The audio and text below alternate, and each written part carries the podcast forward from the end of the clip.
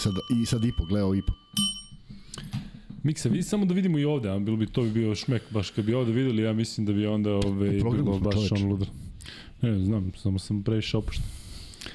E, ajde sad udari još jednom kao da krenemo zvanično. 1, 2, 3 i Ipo. 189. izdanje podcasta sa Lukom i Kuzmom, e, redovan termin, ponedeljak, e, znate o čemu ćemo pričati najviše, dakle, juče je odigrana treća utakmica ABA finala, e, sutra se igra četvrta, možda i poslednja, i to vam je, drugari, to što se nas tiče, eto, ne znam šta bi smo vam još dodali, Ali bez zezanja, najavili smo mečeve, da. E, ali što se tiče zaista svega što se dešavalo juče na utakmici, oko utakmice, pa i ovde kod nas u četu, rekao bih na neki način očekivano, moram priznati da sam se nadao da će biti neke mirnije atmosfere, nažalost, e, samo sam se nadao. Jel Miksa tu? Miksa? Ajde pa da probamo ponovo da rešimo ovo. Šta rešamo?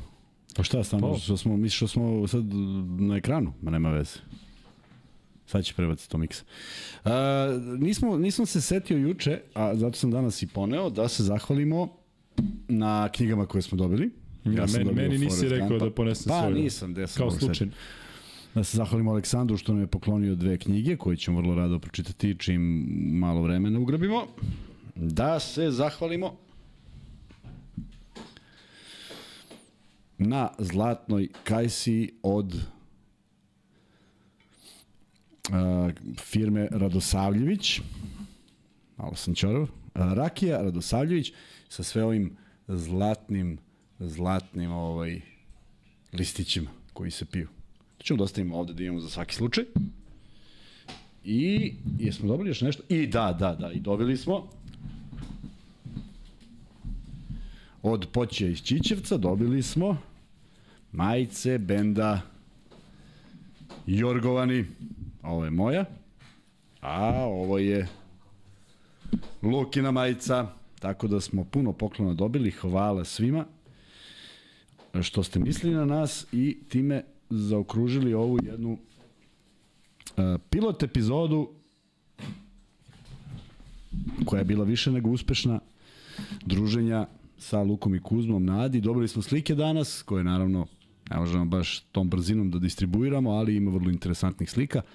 Momak koji radi za Ultru je slikao i zaista ima fenomenalnih, pa ćemo podeliti sa svima i već sam izvukao neke koje su vrlo interesantne, tako da će igrači koji su na njima moći da imaju još jednu dodatnu uspomenu.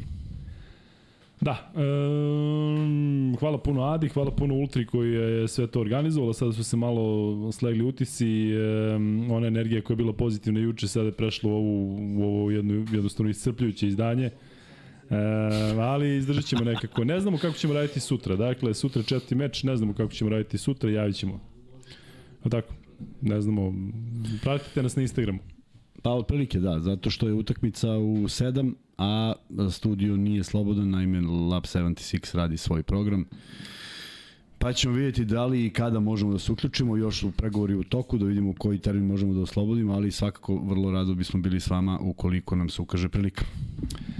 E, dobro, ono što je najlepše od svega što se dešavalo juče, mnogo lepih stvari bilo, dajte sada ovu kameru broj 4, to je da smo skupljali novac za Uh, Isidoru 1 500 na 3030 za Jovanu na 3030 šaljete 1492 i za Mihajla šaljete 1103 3030.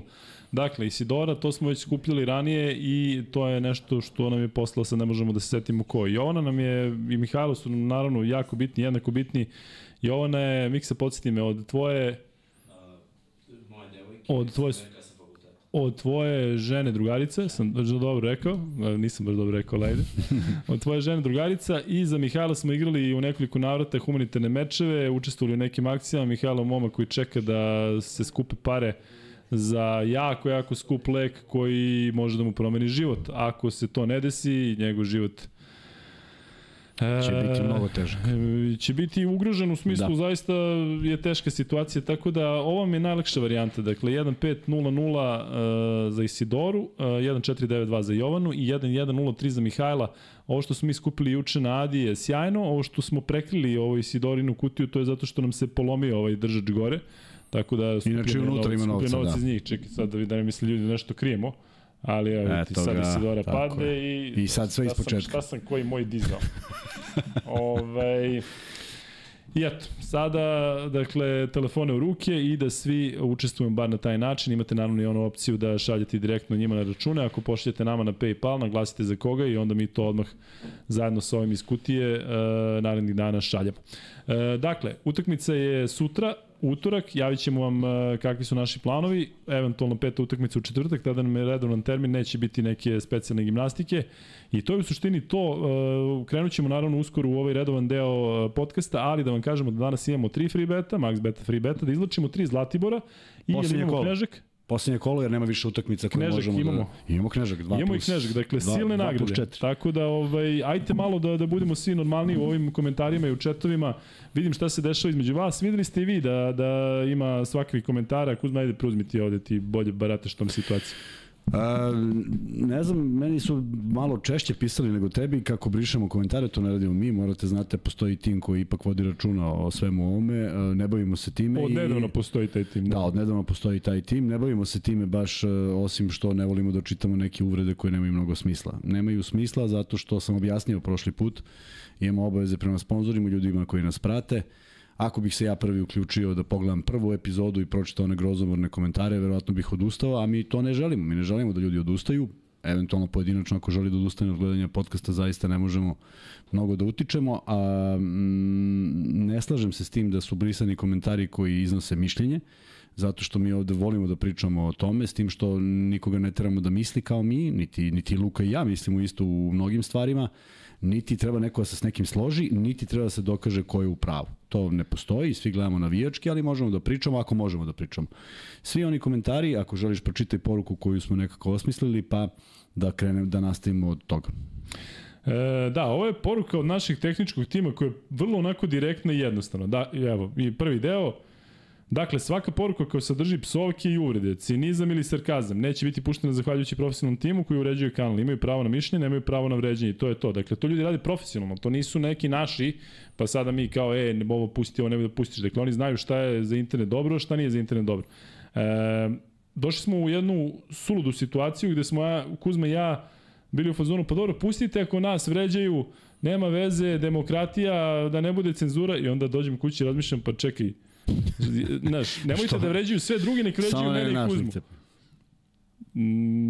morat ću sa sobom još da rešim ovaj, šta, šta mi je bilo u glavi kada sam im to poslao, znam da su ljudi bili zabezeknuti.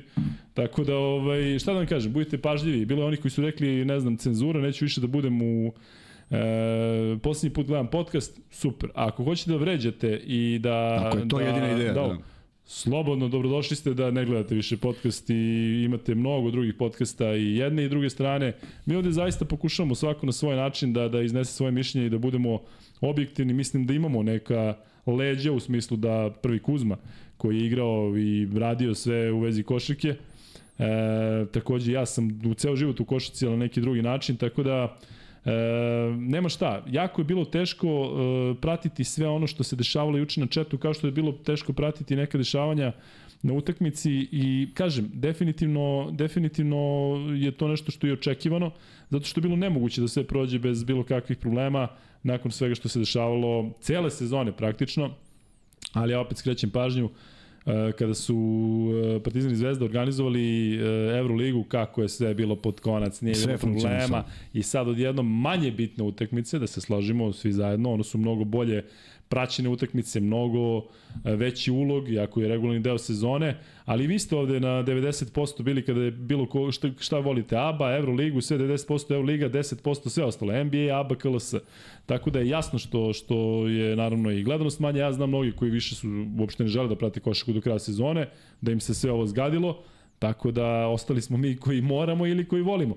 Tako da ajde samo da se držimo nekih onih najnormalnijih principa. Meni dalje nije jasno ovaj, e, šta i kako. Vidi, pa, pa sad ovo. Luka, izvini, bit će ostanjen cinizam i sarkazam.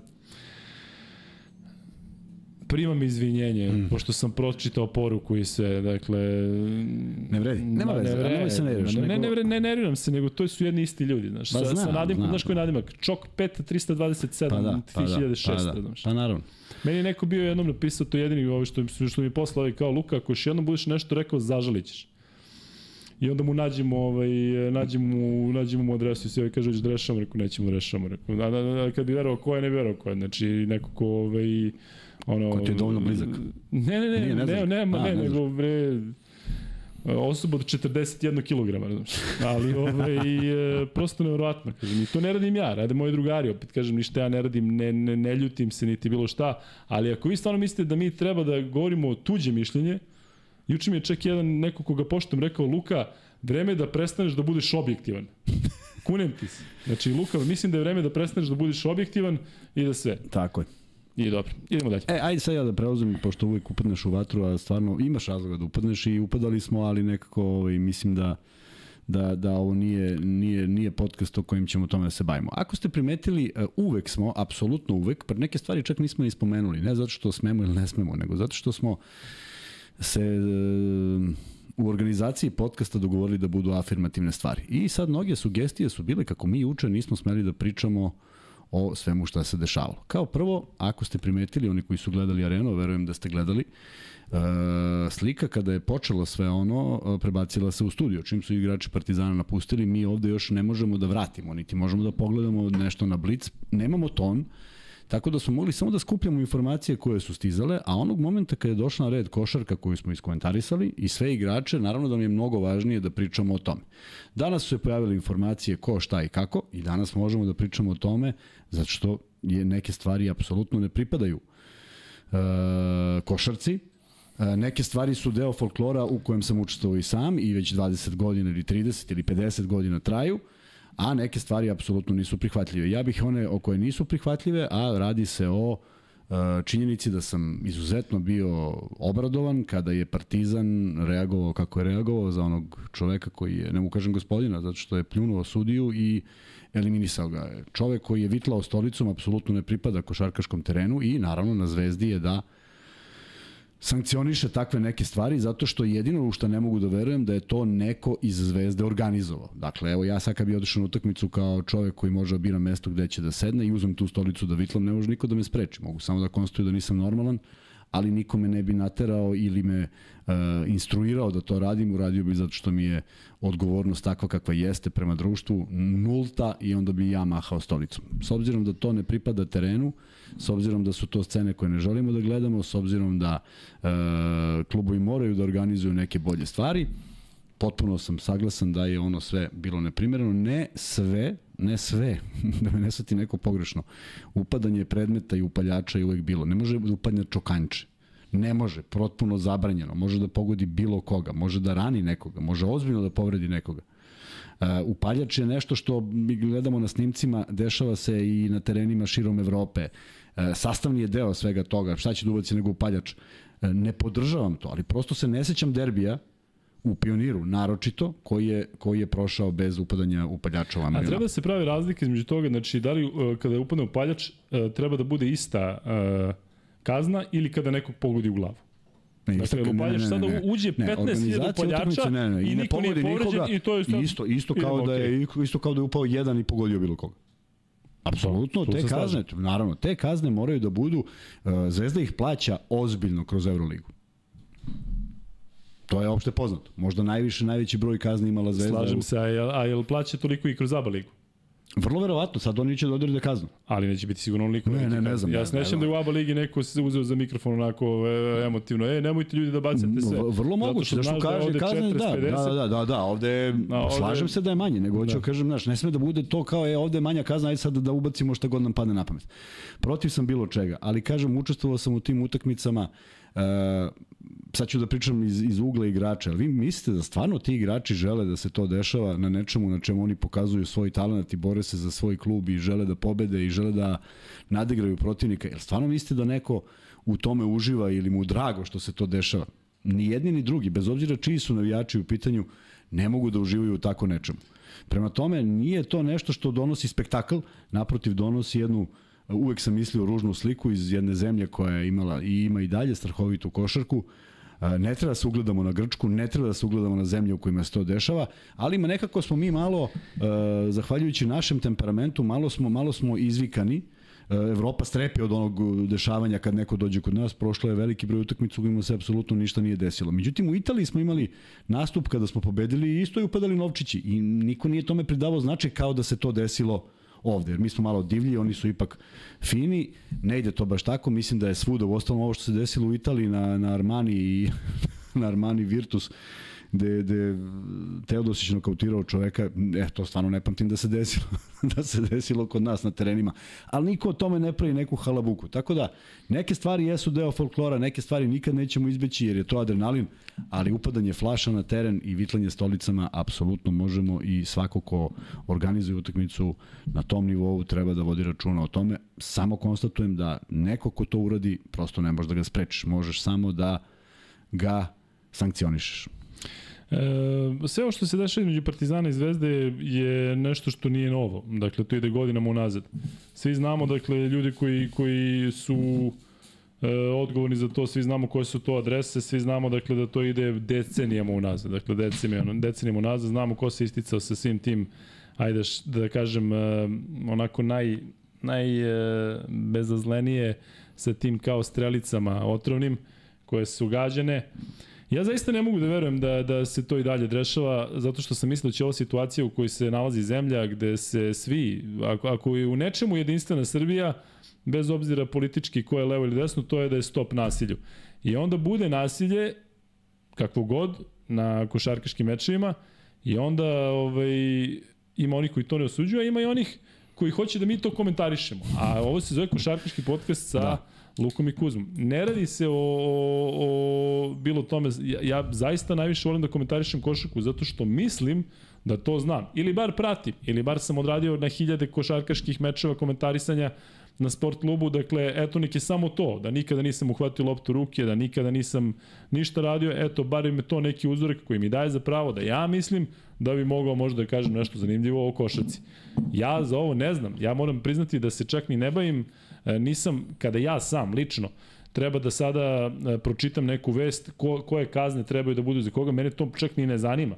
Zanima me iz ugla da li će neki igrač da igra zbog te kazne ili neće. Da, da, Ali da, da, da li je kazna 5000 ili 19000 evra, ne znam kako ti objasnim, to na moj život e, ne utiče. Ako hoćete ovde da komentarišem kakve kazne očekujem ili nešto, ali nekako se duboko nadam da smo svi, kada se podvuče crta normalni, bez obzira na, na opredeljenje i ko za koga navija da ne postoji niko ko misli da trebaju da se bacaju stvari, da trebaju da se, da se vređaju igrači, da treba da se provociraju na najgori mogući način igrači, treneri, njihove porodice, bez obzira na kojoj ste strani. Zato što, kažem, mislim da i sada u ovoj seriji, kao i u prošloj, i jedni i drugi imaju apsolutno iste razloge zašto su ljuti na one drugi. Pa da. Niste dobro organizovali meč, vređali ste, provocirali ste. Da, ovo, i, i, uvek se priča, i, i uvek se priča isprovociranje i uvek se gleda samo jedna strana. Sve što uradi jedna strana ne valja na onoj drugoj. A ovde se neke stvari aminuju. Nisam bio pristalica toga, nik, nikad, nije, nikad nisam bio, nisam želeo da nešto uh, kažem da jeste ako nije.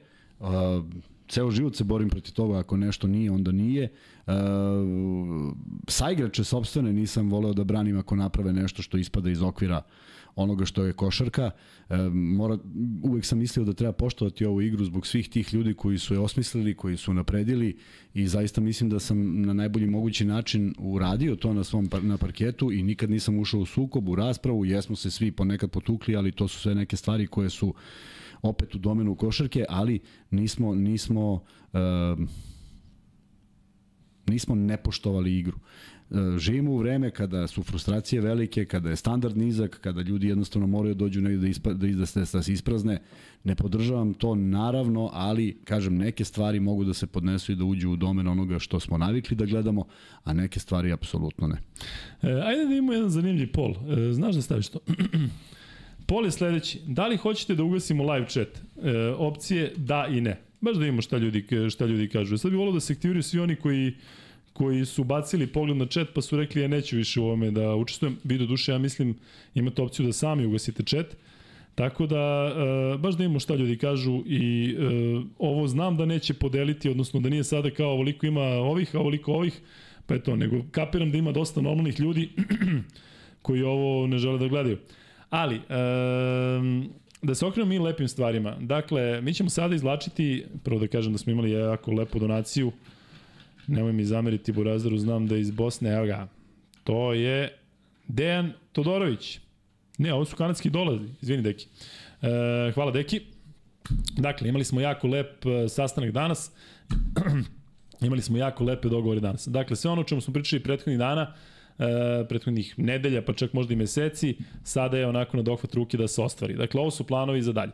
Mi ćemo raditi e, danas još ne znamo kako ćemo, da li ćemo raditi sutra, zato što Lab 76 ima svoj standardni termin, bila je neka zanimljiva trka za vikend, dakle ne možemo da uskačemo njima u termin, oni pokušavaju da nam izađu susret da možda eventualno radimo ranije nego, nego inače utakmice u 7, ako radimo u 1, to je već prevelika razlika, a opet ako Partizan osvoji titulu, podrazumeva se da ćemo raditi, tako da samo tražimo rešenje za sutra. I to će praktično biti poslednja ta neka gimnastika koju pravimo da bismo e, uletali nekom drugom u termin zato što imamo zanimljive utakmice i onda u četvrtak, ako bude petog meča naš redovan termin, u četvrtak radimo svakako i onda ćemo do kraja, e, do kraja juna raditi ponedljak četvrtak sa akcentom na tome da zaista možda dovedemo i neke goste i da posle svega kada se završi ovo blato košarkaško u kojem se nalazimo svi zajedno, da možda pričamo malo nekim lepšim i vedenim temama. Recimo meni je lično bilo osveženje i pozivam vas sve da ispratite i da pogledate intervju kada je bio tu Stefan Peno, momak koji se sve vreme smeje, koji je prošao svašta u svojoj karijeri, uspone i padove, povrede,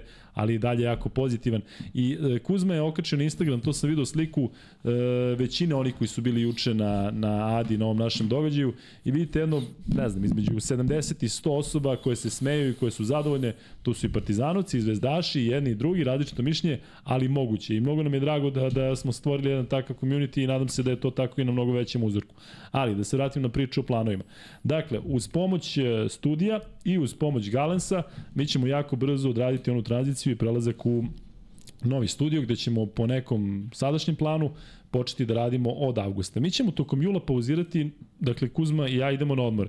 Na odmor od ovoga nećemo možda biti tu, ali u svom slučaju nećemo raditi live, što ne znači da neće biti e, emisija šta više, Nasnimat ćemo neke intervjue, nasnimat ćemo neke tematske emisije, već smo snimili neke emisije koje ćemo puštati i ideje da čak ide i svako veče. Dakle, da vi tokom jula, kada nećemo imati live, imate svako veče priliku da čujete nas. E, neće to biti duge emisije ovako kao kada smo uživo, koje traju 2-3 sata, već kažem, imamo neku ideju da, pre, da e, tema recimo emisije bude, budu neki NBA klubovi, pa neki domaći klubovi, euroligaški klubovi, da tu bude i nekih intervjua, da ovaj, e, onako kako smo i počeli da pričamo o nekim različitim epohama košarke, bez ovog e, svega što nose ove dnevne stvari i aktuelnosti. Dakle, e, do kraja juna radimo ponedljak četvrtak, sa ovim utorkom sutra koji ćemo obavesti kako.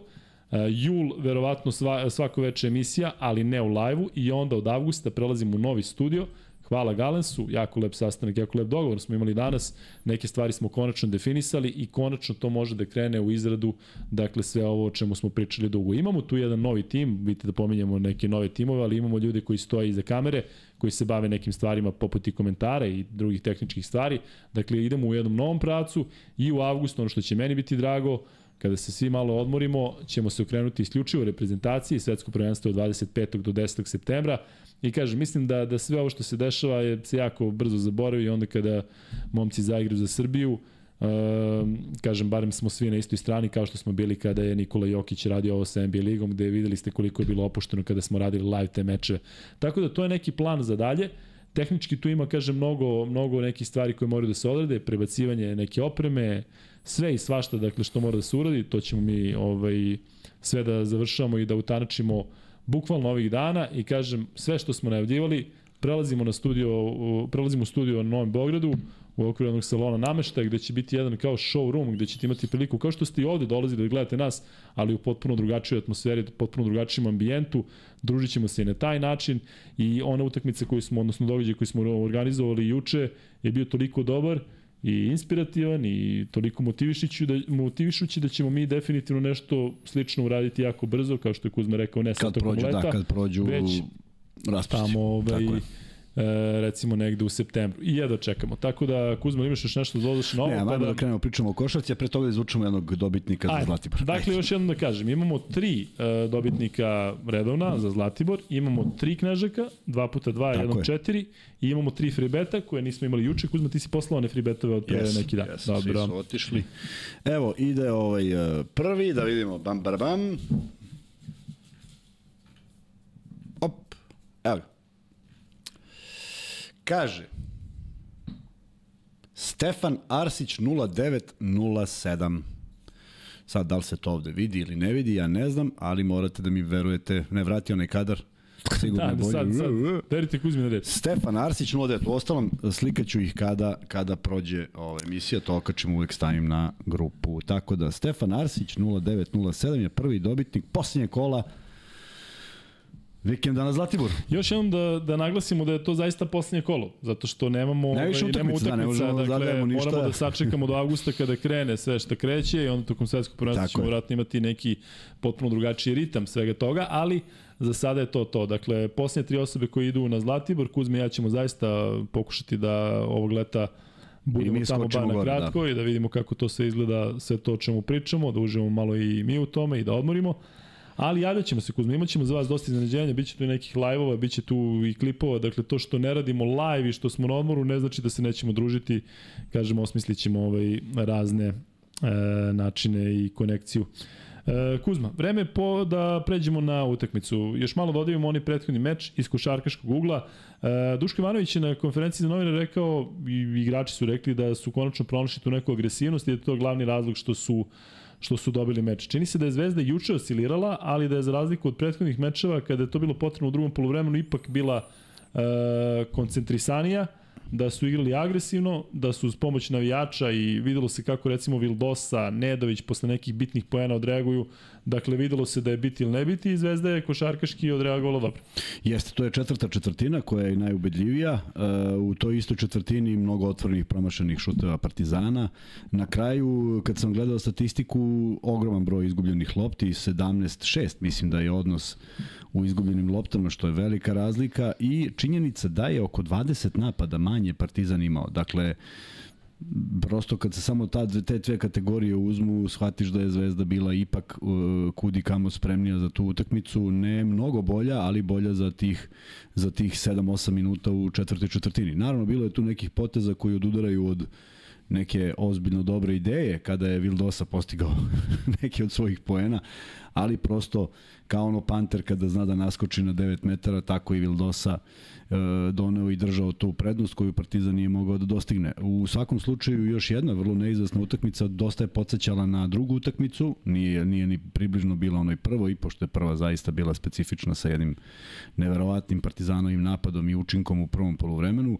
Mene, mene uvek u, u takvim finalnim utakmicama više interes utakmica ovakvog intenziteta i prosto sam se iznenadio i to smo juče komentarisali koliko je poena i postignuto na jednoj utakmici koja je E, na početku onih 15-14 u 7 minutu pretila da bude nešto na što sam ja navikao dok sam igrao, a e, dugo vremena već e, ne gledamo. I mislim da je tu Zvezda iskoristila i prednost domaćeg terena i publiku koja je u tom trenutku nekako nosila ekipu i zasluženo slavila, naravno sledeća utakmica koja ide je nešto novo, sa mnogo drugačije, ne mnogo drugačijim, nego sa, sa posebnim nabojem, sa posebnim intenzitetom, nadam se početku u, re, u vremenu koje je zakazano. Odabrane su sudije, ja kao igrač nikad nisam razmišljao o tome ko sudi, nisam pridavao značaj, trudio sam se da budem sa svojim timom bolji od, od protivnika i da ne razmišljam ni ko, ni šta, ni kako.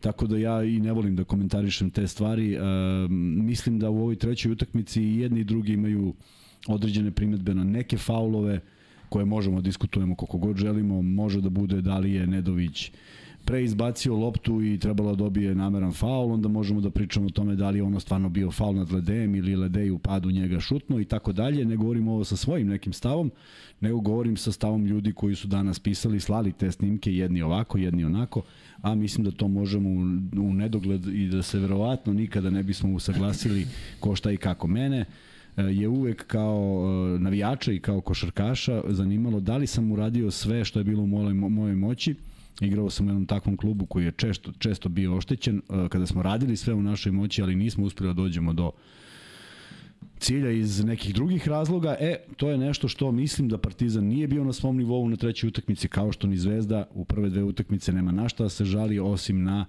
neke stvari koje nisu uspeli da ispune u, svom u, u, od onoga što su zamislili. Prema tome, svaljivati krivicu na sudije u ove tri utakmice mislim da nije u redu iz prostog razloga što jako i mogu da budem kritičan prema njima, mislim da nisu uticali na sam tok utakmice i na rezultat koji je bio na kraju. E, ja hoću samo nešto da kažem što se tiče Partizana i Matija Salasora, moram zaista da ga pohvalim u smislu da zaista je juče odreagovao onako kako sam se ja nadao da će odreagovati cele sezone. Dakle, prvi sam se plašio da ako bude neki provokacija, videli ste kako je to izgledalo kada uđe u igru, kada bilo šta uradi, dakle, to ga možda jeste malo poremetilo, ali oni već neko vreme nije u ne znam kakvoj formi, ali kažem da je recimo bio tako smiren uh, protiv uh, Madridskog Reala u onom drugom meču, možda bi igrao treći, možda bi Partizan dobio 3-0, ali kažem što se njega tiče, uh, zaista sve pohvale na, na tome kako se nosio. Ima Darija zaista igrački, juče pogodio 4 od 4 za 3 poena, očigledno da on ima ovde uh, E, poseban motiv. E, ja sam na početku serije rekao da od Andjušića očekujem e, ozbiljniju ulogu i da odigra malo malo više i tu je. Dakle, Andjušić juče u prvom polovremenu, sećate se imao onu jednu trojku, imao 2 plus 1 kada je dva puta uspeo da da izađe kao pobednik iz duela sa Dobrićem i moram priznati da me raduje dobra igra Egzuma. Egzum je tu koji je, čini mi se, potpuno fokusiran, a opet uh, E, igra racionalno, dobro kontroliše svaku situaciju, gleda da ne bude incidenata. Dakle, Exum, rekao bih da je, da je e, možda najbitniji faktor za Partizan u ovoj četvrtoj utakmici i drago mi je što je juče odigrao dobro, imao je 16 poena, 5 od 6 za 2, 3 od 4 sa penala i 1 od 3 e, za 3 poena. Kuzma, još malo ćemo da odvijemo ovaj meč, pa ćemo odmah da pređemo da najavimo četvrti i da vidimo šta to može u tako kratkom periodu eventualno da se promeni. Zvezda sada kada je, kada je dobila utakmicu, vratno želi da nastavi isto ovo da radi, ali da li misliš da su bile neke stvari koje su toliko očigledne da bi trebalo sutra da budu bolje i kod jednih i kod drugih. Meni što se tiče e, isključivo Partizana, opet kažem, to sam pričao juče, ne volim kad se oslanjamo previše na šut za 3 poena. Bilo je mnogo više šuteva za 3, tako je. Iako je šut za 3 poena bio korektan. Dakle, 12 Odličan, 25. 48%, da. Tako je, a u jednom trenutku je bilo i na više, više od 50%. Bilo je, bilo je više, 12. tako je. Ta četvrta da. četvrtina donala taj niz promašaja, ali to je fantastičan šut, međutim malo šutnutih dvojki. Da. 25 prema 21, otprilike Jeste. tako nešto. Ne, koliko si rekao da je bilo ovaj uh... 25 šutnih da, trojki Partizana, tako, a 21 dvojka. Tako je, tako je. E, čekaj, to je... solidan 13 od 21 za 2, preko 60%. Nije uopšte da, dakle, ali, to da si ali ti bilo za 2 pa forsiraš to. Ali saberi broj napada. Da, 46. 46, a Zvezda? Zvezda je imala 37 i 28. Oh.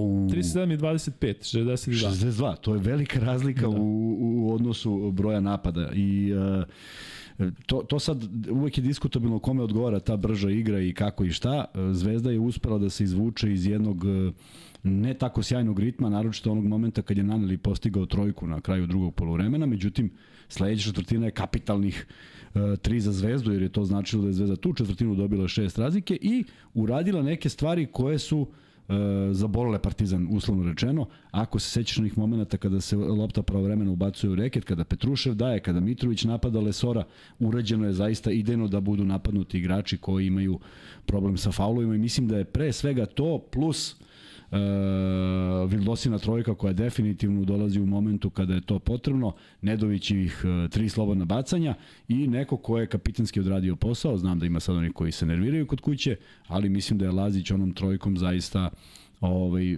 doneo tu neku sigurnost u napadu, jer niti je bio lak napad, niti je to bila njegova pozicija iz koje obično šutira potpuno iskretnje u neku u levu stranu sa zanošenjem u levo, nije to nešto što Lazić pogađa, ali juče na visini zadatka, tako da u tim nekim segmentima mislim da se Partizan nije snašao zbog velikog broja izgubljenih lopti i agresivno odbrane i s jedne i s druge strane. I moram da napomenem nešto što svi pričaju, jeste Partizan bio u problemu sa faulima, ali bio je u problemu sa faulima i drugu utakmicu.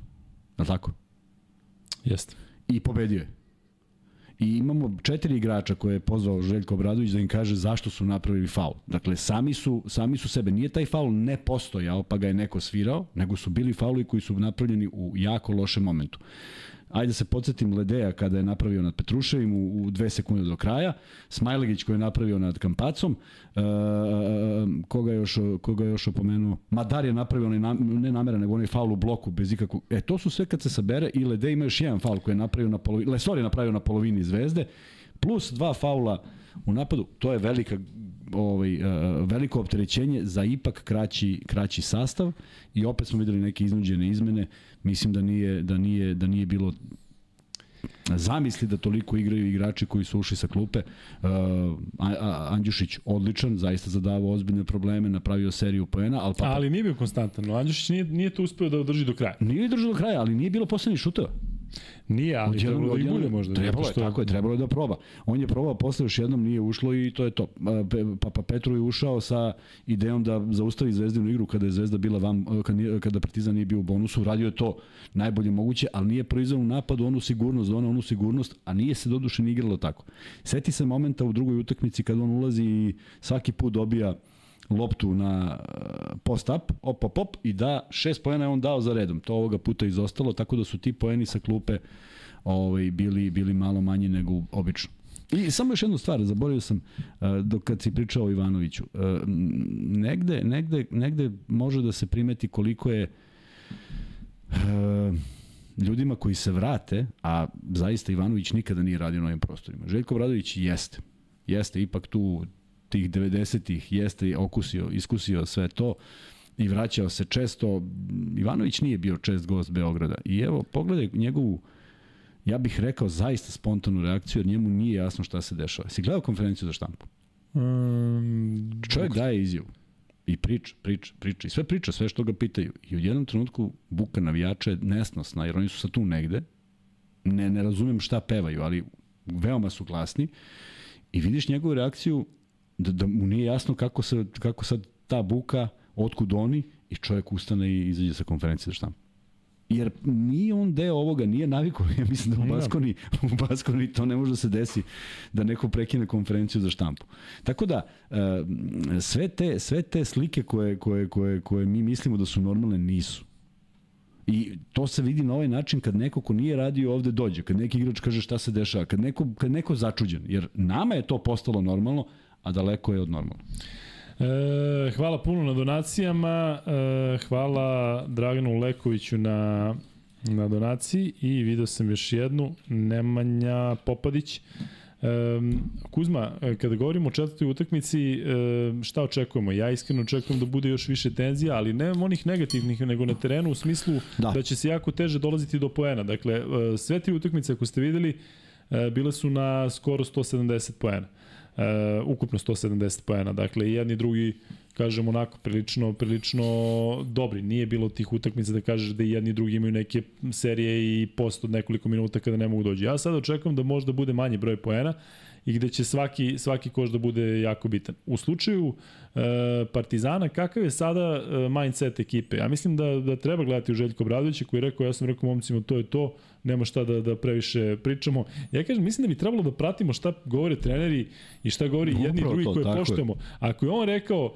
nećemo da se vraćamo na taj meč, rekao sam da je bilo okej, okay, idemo dalje, sad ovde ljudi o, toliko insistiraju da se vratimo na taj meč, da ovaj to onako postaje Ja mislim da ljudi žele da čuju nešto što bi valjda trebalo da, da, da izgovorim. Pre, pre svega ja mislim da gledaju u mene, u smislu ne, da ja... Ne, gledaju ovde u mene, traže da, da, da, da ali znaš šta je interesantno? Od tebe očekuju samo grobari da odgovoriš. Pa da. Od mene očekuju i zvezdaši da odgovorim pa i grobari da budem još više grobar. Pa ko te šiš? ali ovaj kažem e, ne imamo jako lepo dešavanje u vezi podcasta E, koji, e, kažem, idu u jednom potpuno novom smeru, tako da to ne može da se poremeti. Ono što smo imali juče ne može da se poremeti.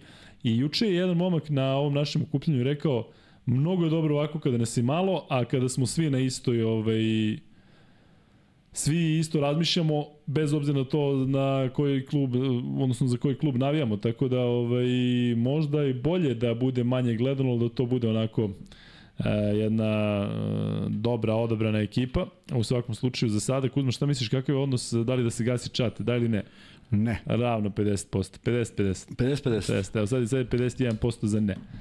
Da ne gasimo chat. Uh, Ja mislim da tu ima mnogo ljudi koji su tako duhoviti i tako U, dobre komentare sjajni, da. daju da bi njima, mi njima u stvari uskratili da se druže s nama. Jeste, ali se ne vide, ne vide se od ovoga. Znaš, Ne vide zašto, neko ovo, zašto, znaš, pa naravno, Imaš ovde neko ko izgovara alo i bre. Ne znam ko je to naučio alo i bre. Koji je to, koji je to način komunikacije da Pa kažeš tako sa alo Ćaletom, i tako sa bre. Ćaletom razgovara. Alo bre, Ćale. Ovaj, alo i bre, ne znam kako se to. Halo je halo za telefon, a bre Ovaj, ne znam to i, znaš, kao, alo bre... Vidi, sad na ovaj moj znaš, komentar, sad će se uključi ponovo i da kaže alo bre šta je bilo. Ali to je, Da, to, je to, neko nevaspitanje koje je čudno.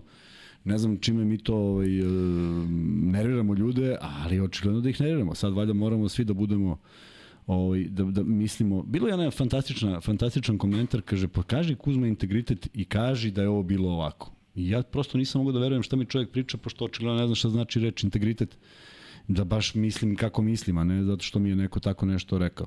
U svakom slučaju mislim da bez obzira na pol nećemo gasiti chat, možemo da ga malo modifikujemo, možemo da stavimo da samo ovaj, subscriberi mogu da, na primjer, pričaju, pa onda kad te eliminišemo, Ne, bar te ovo, zauvek. proći ovo Ne, posle derbija, će ovo sve proći ovo će i onda pro- će e, da ali- dođu do izražaja ovi naši, ali kaže, kaže kao, št- kako može sarkazam, kako može ironija, kako može cinizam. Pa juče je, dame i gospodo, bio jedan uh, komentar, nadam se da je jednom uh, ženu, uh, da je jednom igraču žena dobro, uh, kada ja nešto, ne znam šta, Ja nisam razumeo. Pa ne, kažem ti, nadaju se da je, da, je, ne, da su neke žene dobre. Pominju se neke žene, ali niko ne psuje, niko ne vređa. Da, znaš. da, da, da, Nema, je. nego, Da, znaš, ne možeš- nadam se da je, da je, da je, da je, da je znaš, i onda sada, e, da, ali kao kako, kako sarkazam se sankcioniše. Ja pročitam poruku koju sam dobio kao Luka sada, kao ne sme sarkazam. Znaš, ja sam dobio, dobrih fora, ja sam dobio mnogo da je- poruka ovaj, navijača Partizana. I stvarno ima neviđeno duhovitih. I evo ja verujem da postoji ogroman broj onih koji bi mogli da konstatuju da sam se uvek javio i ako je nešto duhovito, uopšte nema veze da li je na moj račun, ako ima smisla. Ako nije neka banalna uvreda koju ne znam zašto bismo ovaj, trpeli od nekoga ko se tamo predstavi anonimno. Dakle, nije on tamo neki koga znamo, nego je neki, što kažeš, kako da. idu oni nadimci. Prema tome, ajde malo da smanjimo tenzije, nismo ovde, ovde navijamo za A nije, košarku i za ja ti dobru utakmicu i kažem, već sam dobio pet poruka, nemojte nama da uskratite mogućnost da mi pratimo. Tako da, Da, da, isto je ovde tako. Ja Da. kažem, ja sam bio malo nervozni zašto mi gori koža. Dakle, juče sam bio najbliži suncu i toliko gorim da ne možete da verujete. Nema veze sa četom ili sa bilo čim, a ovde je neko isto i napisao kao pa e, kako ćete onda ove, ove ljude koji hoće da doniraju za nekoga ili Pa naravno, nama. sve je problem, pa Ali naravno. ovaj kažem proći će, ali juče što moj drugar kaže, kaže em što si najplavlji, em što si najbliži suncu sa svojih 2 metra, kaže morao si da da nastradaš tako da e, gori gori i dalje. Ali e, sada kažem ima ovde jako i lepih poruka tako da da uvek to pobedi ono loše. E, tako nešto da, što smo za- zaboravili, a evo sad me podsjeća, samo da vidim ko podsjeća me naravno Dejan Tomović. Nije? U, Deki Tomović ima Nije, nije, uvek Dejan komentar. Čekaj samo da nađem ko me podsjetio. Si ti otvorio u rađu dole, a? Kako nisam? I ovo ljudi ko me sad podsjetio. To su te pauze u podcastu kada Kuzma uh, ide Da, kroz da, svoj telefon. Johnny, Johnny, jeste, jeste. I stvarno, ovaj, i često smo po, po- pozdravljali ljude na, u Gotovuši i uopšte na Kosovu i zaista ovo što se dešava, e, ne možeš da ostaneš imun i onda Evo sad vratim sa ovog aspekta, ceo dan čitam te vesti šta se dešava iz čata u sad, sa onog sputnika dolazi i bombarduju oni e, no, mi ovde mlatimo da li je upao, Ne, da zato li je nas koji... jebu sa svih strana. Ja sam to I rekao stvarno, puta da ljudi- smo malo jedinst- jedinstveni, Tako možda je. bismo imali malo Ajde da malo... ovaj, e, bolju prođu na svim frontovima. Ali Upravo ajde, to, ajde. malo tolerancije. Ljudi ne znaju šta znači tolerancija. I zaista mislim da smo ovih 33 godine u nekom kavezu u kojem smo zaboravili značenje te reči, na moju veliku žalost, ovaj, suočavani smo, suočavamo se s tim svaki dan. Ajmo nekako zajednički da pošaljemo podršku, veliku podršku tim ljudima koji se bore za egzistenciju. Ne bore se tamo što im je zabavno, nego naprotiv e, žive u nekim nenormalnim uslovima, a ne vidim da, da, da se bilo šta dešava u, u njihovoj koristi da uopšte nešto možemo da se nadamo da, da, da se desi. A svi želimo da se desi i zato ako bar možemo da im olakšamo kroz ovaj podcast i da pričamo o nekim stvarima, Jeste. jer znamo koliko nas ljudi dole prati i koliko ljudi dole gleda i navija za jedne ili za druge i za Partizan i za Zvezdu i slikali smo se i s jednima i s drugima zato što imaju tu težinu da žive u okolnostima u kojima mi možda ne možemo da zamislimo kako izgleda pa bi nam utakmica Zvezda Partizan bila 68.000 stvara u kojoj bismo razmišljali. Ne, prosto nevjerojatno, kažem, baš sam komentarisao sa jednim drugarom pre neki dan, eto malo, malo i politike, ali ovaj, uzmu tako, uđu ti na teritoriju, oduzmu ti deo, a ovaj, e, razmišljamo, zamisli da ti tako uđe neko u stan. I sad u tvojih 100 kvadrata tako, uđe, uđe tvojih 20 da kvadrata. i recimo uđe, ali tih 20 kvadrata je kupatilo. I sad se ti pereš ispod sudopere, I on kaže ovo je moje. I onda dođe upravnik zgrade i još neka glavna faca kaže da, to je o njegov, on tu je ovo za, za, služi i još telema. Tako da ajde da budemo ovaj, ujedini baš što se tiče tih nekih priča gde prepostavljam da se svi slažemo. Uh, Ali, dobro, idemo dalje, Kuzma, sa, sa e, najavom sledećeg meča. Da li je premala razlika sada? E, da, baš odnosno, jedan dan, da, tako da. je. Jel, I onda dva dana do sledeće utakmice, jel misliš da to moglo bolje da se da Ne, se ne, ne, tako se organizuje, tako se prosto, mislim, uvek je organizovalo. Prosto takav je bio ritam i ovo je neki ritam play-offa na koji Mislim da su igrači naviknuti, ništa nije bolje bilo u paklenim nedeljama Evrolige, koju su svi izdržali i čak beležili ozbiljno dobre rezultate u tim serijama utakmica, tako da ovo ništa nije novo. Nema putovanja srećom i po jedne i po druge. Igra se u Beogradu, naravno treba da se spreme, treba da se spreme za jedan izazov i jedni i drugi. Um, odlaganje utakmice ne utiče samo na igrače Partizana. odlaganje utakmice utiče na igrače Zvezde, na bilo koga ko se zagreo i spremio za utakmicu, tako da e, podjednako može da ne odgovara igračima. Mislim da će neke stvari morati da isprave i jedan i drugi trener. E, bilo je tu nedostataka i mislim da o njima ne moramo mi da iznosimo neko mišljenje šta su sad nedostaci, oba trenera dovoljno dobro znaju, ali to su krucijalni momenti. Tri meča smo gledali, tri meča u kojima su i jedni i drugi pravili greške koje su doveli do poraza. E, četvrta utakmica, opet Zvezda u većoj tenziji, Partizan još uvek nema šta da izgubi, ali siguran sam da ne žele da dođu do pete utakmice, zato što je peta utakmica uvek u svakom prvenstvu i zauvek bila i biće lutrija gde možeš da otvoriš uh, lošu utakmicu pa, pa sam uđeš u nervozu, nije ti potreba neko sa strane. Tako da uh, Partizan gleda da ovo završi u četvrtoj, Zvezda da produži seriju sa jednim uh, dobrim osjećajem iz, iz, iz, drugi, iz treće utakmice. I ja bi opet voleo da pričamo samo o košarci, o nekim taktičkim zamislima. Ne mogu da razumem ulazak, ne ulazak, nego postojanje Holdena, zaista nisam ga ni očekivao na parketu. Partizan ima svoje probleme zašto mora da ima određene igrače, jer prosto nema, tamo niko ne fali, tako? Niko nije van, van sastava. Uh, Holden ili Hold? Ma, obojica, obojica bi zabranio. Ne, Jer Holden odjednom u podcastu Holden mnogo je, mnogo je odsustvovao, ne kažem da on nešto ne može da da doprinese u nekom svom ludilu, ali vidi ovako, je danas simpatičan razgovor sa mojim prijateljem Vekom, ozbiljno prati košarku i dosta sam razumeo to, nešto gleda naravno laički, a nešto, nešto ima onako, ako ništa drugo, dosta logike. Pa kaže ovako, ako je već, kaže, Holland na parketu, pa ja bih ga, kaže, probao u prvih 7-8 minuta da vidiš da li je to to, da li on u elementu da iznenadi. Nisi, nisi ga skautirao nešto preterano, ajde da vidiš da li on može da izleti iz tog bloka i da zvizne dve, tri trojke i ako to uradi, Pa to je fenomenalna stvar, ali da. sigurno ga ne čuvaš za kraj utakmice i kažeš aj sad ti, al tako? Mislim nije nije u redu ni prema igraču, ni prema navijačima, ni prema bilo kome.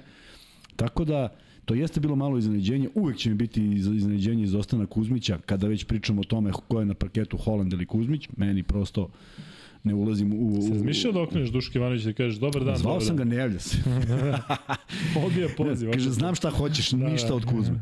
O, eto, ja bi to izabrao, ali kažem, to su neke stvari o kojima, e, o, o, ovo, je, ovo je neko mišljenje koje možemo da imamo, ali naravno, posljednje se uvek pita trener i treba da se pita i tu je plaćen za to i da donese rezultat i Željko Obradović i, i, i Duško Ivanović. Tako da to su neke stvari o kojima možemo da diskutujemo, a to su stvari ukusa prema nečemu što mi mislimo da bolje znamo. Ne, ne mislim da znam bolje i mislim da su oba trenera spremna, mislim da su igrači uh, u dovoljno dobroj uh, formi što se tiče neke, neke kondicije, ne vidim da tu neko pada na nos, a od nekih se očekuje da budu uh, bolji u završnici. U Zvezdi pre svih Kampaco, pošto tri utakmice nije pokazao deo onoga što je pokazivao aj samo ne mora ne toliko daleko u završnici Evrolige, gde je bio jedan od ključnih igrača. Uh, mislim da je ovde Exum upadu u formi Lesor i da su to vrlo dva bitna igrača od kojih zavisi na stranu Naneli, na stranu Panter, na stranu Madar koji igra izuzetno pametno ove utakmice. Oni su neko ko je konstantna, ali nedostaju ti poeni sa klupe. Smajlagić zna da ih proizvede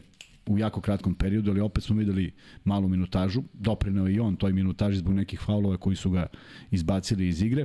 Ovde smo pa na drugoj strani videli Vildosu u 14 poena, nije se do to baš mnogo dešavalo, u dobrim procentima, u nekoliko asistencija. Videli smo Mitrovića koji je bio na visini zadatka, ali sad kad bi tu morao da ubacim još pet igrača ne bih mogao, mogu da ubacim Nedovića i opet se tu sve svodi kao Partizan.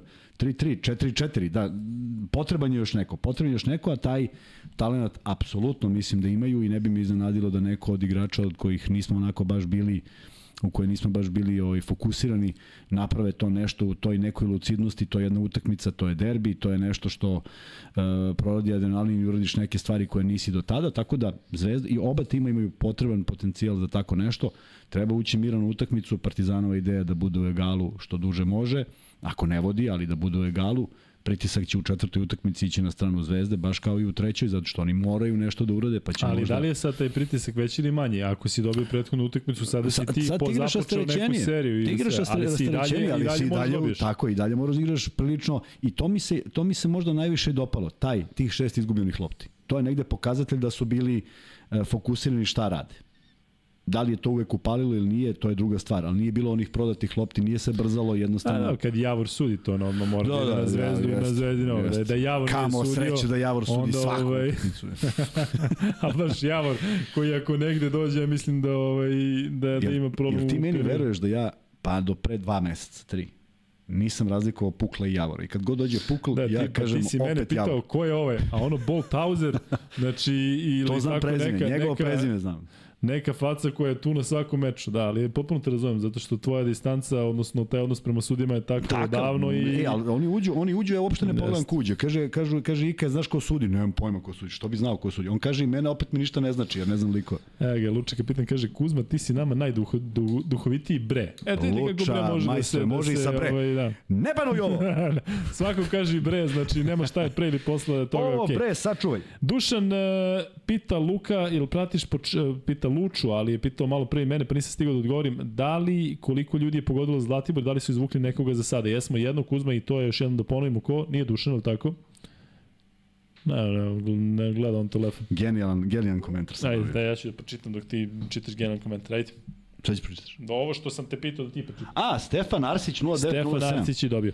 E, ljudi, igrat ćemo se malo danas drugačije, pre nego što uh, Kuzma ovo pročita, samo da kažem. Dakle, na svakom stotom lajku sada u ovom slučaju na, na 200. lajku, imaćemo uh, izvlačenje ili nagradu. Tako da još 17 da. lajkova do sledeće e, pa nagrade. Ajde, kaži. El Miki 85. Da, Kaže ovako, ja nisam hteo da dođem jer mi niste lajkovali komentar. Hmm. Osmeh, osmeh, svaka čast, pa da još ovakvih akcija. Znači, El Miki, vidimo se sledeći put obavezno da dođeš. E, dobro. E, Kuzma, imam jedno pitanje, ali Jer ti ćeš da... komentar. ti ćeš da uzmeš i da, da se raspričaš, a vjerojatno ćemo doći do, do, uh, do 200. lajka. Inače da se zahvalim Limi koji je ovde uh, takođe donirao, Lima često donira, hvala Lima. Uh, I da kažem još jednu stvar, da ima zaista dosta pozdrava sa Kosova. Video sam Aleksandru, video sam još nekoliko oni koji su uh, sa Kosova i koji pozdravljaju i zaista Srcem smo uz vas, evo Aleksandra, evo, evo, evo ga Nikola. Siniša kaže Luka, da li ti je nekad neko rekao da liči na Duncana Robinson iz Miami, iz Miami, jeste, m, rekli su, ali uglavnom za sve te plave ovaj, porede me sa njima. Ostavninska rasprava pojavi da, se. Da, da. da, porodice Robinson, tako. Da, pa ja sam uh, John Robinson, davno izgubljeni sin. Da. E, prešli smo 200 like i Kuzma, hoćemo mi da podelimo jedan knežak. Ajmo, knežak Ajde. za dvoje. Knežak za dvoje. Čekaj, bre, što se ja van kadra je? Pa zato što sam ja tako sredio, dosta si, do, dosta si ti ovaj, u ovom podcastu, lebac, dosta si uzeo od ovog podcasta. Da svi kako sam vežbu. Ljudi, uh, hoćemo Kuzma ono neko naše zagonetno ime ili ćemo asocijaciju? Asocijaciju, ti si da, dobro zato što nemaš, zato što nemaš ne. Ne, ne se smišlja. Ništa, ljudi, ajde da, ovaj, da uh, vas pitam sledeće. Dakle, igramo asocijacije, prva asocijacija će biti ovako. Reč je o igraču koji je jedan deo svoje karijere proveo u Fenerbahčeu. Da li igračke, da li trenerske, sad to je druga stvar. Bivšem košakašu koji je jedan deo svoje karijere proveo u Fenerbahčeu. Da vidimo šta kažete. Delimo knežak za dvoje. se podsjetim ovde da ne, ne lupim nešto da omanem. Ha,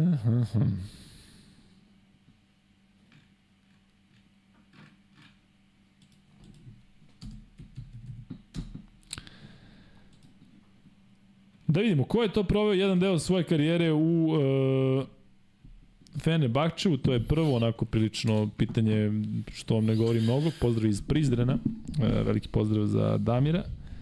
Ekpe Judo nije, Gudurić nije, Sala Đorđević nije, Ekpe Judo nije, pozdrav za Štrpce. Uh, opet Ekpe Judo nije, Mirsa Turka nije. Četvrti kad kaže Ekpe Judo, ti kaže jeste, Kutlaj Ekpe Judo. Klejza nije, Jahović, Bobby Dixon, Bobby Dixon nije, Evo dalje. Kutlaj nije. Po nacionalnosti? E, ovaj košarkaški, košarkaš je bio na NBA draftu. Sad, sad si i mene zbunio, kao znamo o čemu pričaš. U kako izlazi Muhammed Ali, Semi Herden, Bobby Dixon, Kutlaj, Turđan, Gaudlok, Marina Maljković, nije Marina Maljković, ali vrlo zanimljivo, nije bilo na draftu naravno. Emir Prealđić, bravo kralju, kako si ti ovo, nisi pogodio, ali svaki ti čas što si se setio Emira. Stefan Arsić kaže Kuzmina srećna ruka, ale, bravo Stefi, e, kontaktirat ćete iz Galensa. Tako je Stefane, bravo, čestitamo. Vuković kaže pozdrav iz hotelske sobe u Stokholmu gde vas gledam na telefonu, samo nastavite se radom i bez obaziranja gluposti. Vuče, koji deo Stokholma, koji hotel, tamo znam svaki čoš. Kod Kirken u Erkelara. Vatrena, E, vatrena, vatrena Radica crkva, Ćučić kako se zove? Majke Vatrena E, crkva. Jeste. Stvarno? Da, da. Eto kako pamtim. Ne, nije, nije ovde, nego samo si se setio. Jan Veseli Pa, Biberović nije. setio, to mi je najvažnije da... da Pa jeste još- sad ovo. E, Sledeći, sledeća asocijacija, 1981. godište. Ajde sad, ajde sad ti pođi Kuzma, nemoj kažeš naglas, ako samo reci znam. 81. 81. jedan deo svoje igračke ili trenerske karijere proveo u Fenerbahče E, i je bio igračke ili trenerske? E, pa sad. Možda je bio pomoćni trener, možda je bio glavni trener i tako. Nije Pero Antić. Pero Antić igra za Fener. Kako nije? Šta? zezi, zezi. Bogdanović nije, Ljesova nije, Ermal Kuča nije. Nije ni Mirsa Turđan ni Turčan.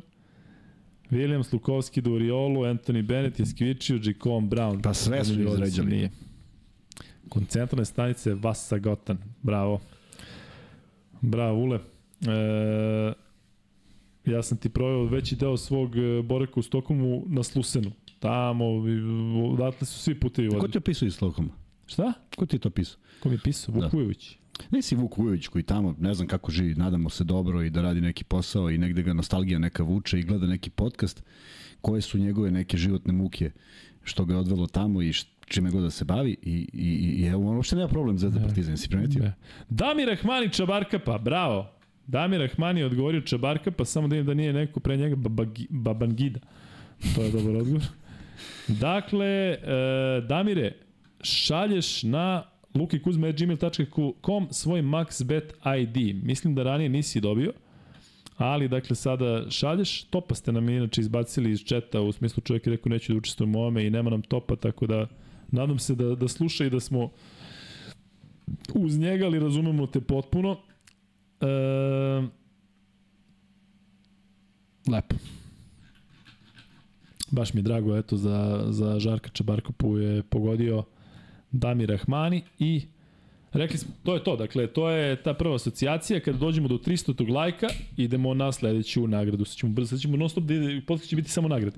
Kuzma, imam jedno pitanje za tebe, malo onako dublje, što bi se reklo. Danas sam uh, sa ljudima koji vole košarku i ima i zvezdaši i partizanovci, ima i oni koji su neutralni, E, priča o tome kako Zvezda ove sezone ima dosta nesigurnih igrača, kako je dosta onih koji su baš oscilirali u formi. Kod Jesu. Partizana recimo imaš primere Smajlagić rastao, Andjušić malo dobio, ali nije tako izraženo recimo kao kod Zvezde. Ti više nemaš sigurno igrača kome kad daš loptu možda očekuješ poene. To je bio Luka Mitrović, ali on je pokazao nesigurnost u, u, U jednoj od prvoj- utakmica, da. Jednoj, je tako? Jeste. E, ali Kampacovih 4 od 8 sa penala. E, Nedović znamo da možda eksplodira, možda ne bude ništa. Vildosa uključen u struju. Od ovih Bentili i Hasan Martin, što ti kažeš, misterija, ovaj, šta možeš. Partizan ima, da kažem, igrače poput recimo Exuma, Ledeja, gde ipak znaš šta možda očekuješ. Da li to može da bude neka ključna stvar Pa to i jeste ključna stvar. Partizan tako igra gro sezone. Igra na taj individualni kvalitet gde su svi dobili neko svoje mesto. Kažem, ne mogu svi da tempiraju formu i da budu u najboljoj formi, ali Panter je u odličnoj šuterskoj formi, Ledej odlično igra. Lesor je izgubio neku energiju od kad je počeo ovaj play-off nije na tom nivou.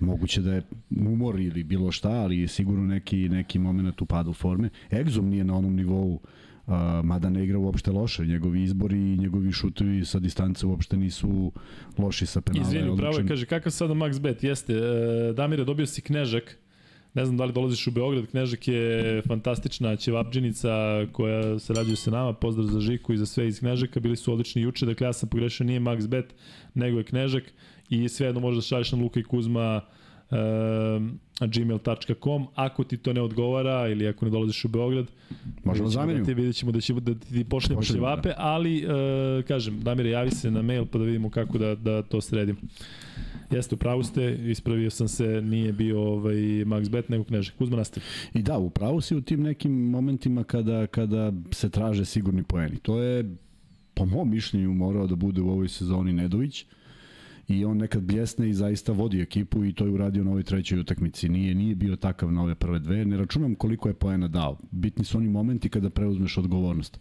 Sve oči su uprte u Kampaca jer je on drugi po nekoj ajde kažem sigurnosti koga, koga bi ja imao poverenja. Mitrović je odlično odigrao utakmicu i mislim da on mora da nastavi da, da, da donosi ovo. E onda su bitni ti neki uh, spo, igrači ko, od kojih se, ajde da kažem, možda očekivalo više, ali ne pričamo sad o tome nego o, o nekim sigurnim poenima. Ispostavlja se zaista da je Bentil mnogo opasniji ako ostane u nekom, na nekom šutu sa povratnom loptom, zaista ne rešava i dalje dobro kada se igra na njega da on odigra leđima, može da uhvati skok u napadu i da vrati loptu u koš. Martin iz nekog short rola, on može da ode do, do koša, ali manje više to smo gledali vrlo malo uh, od njega.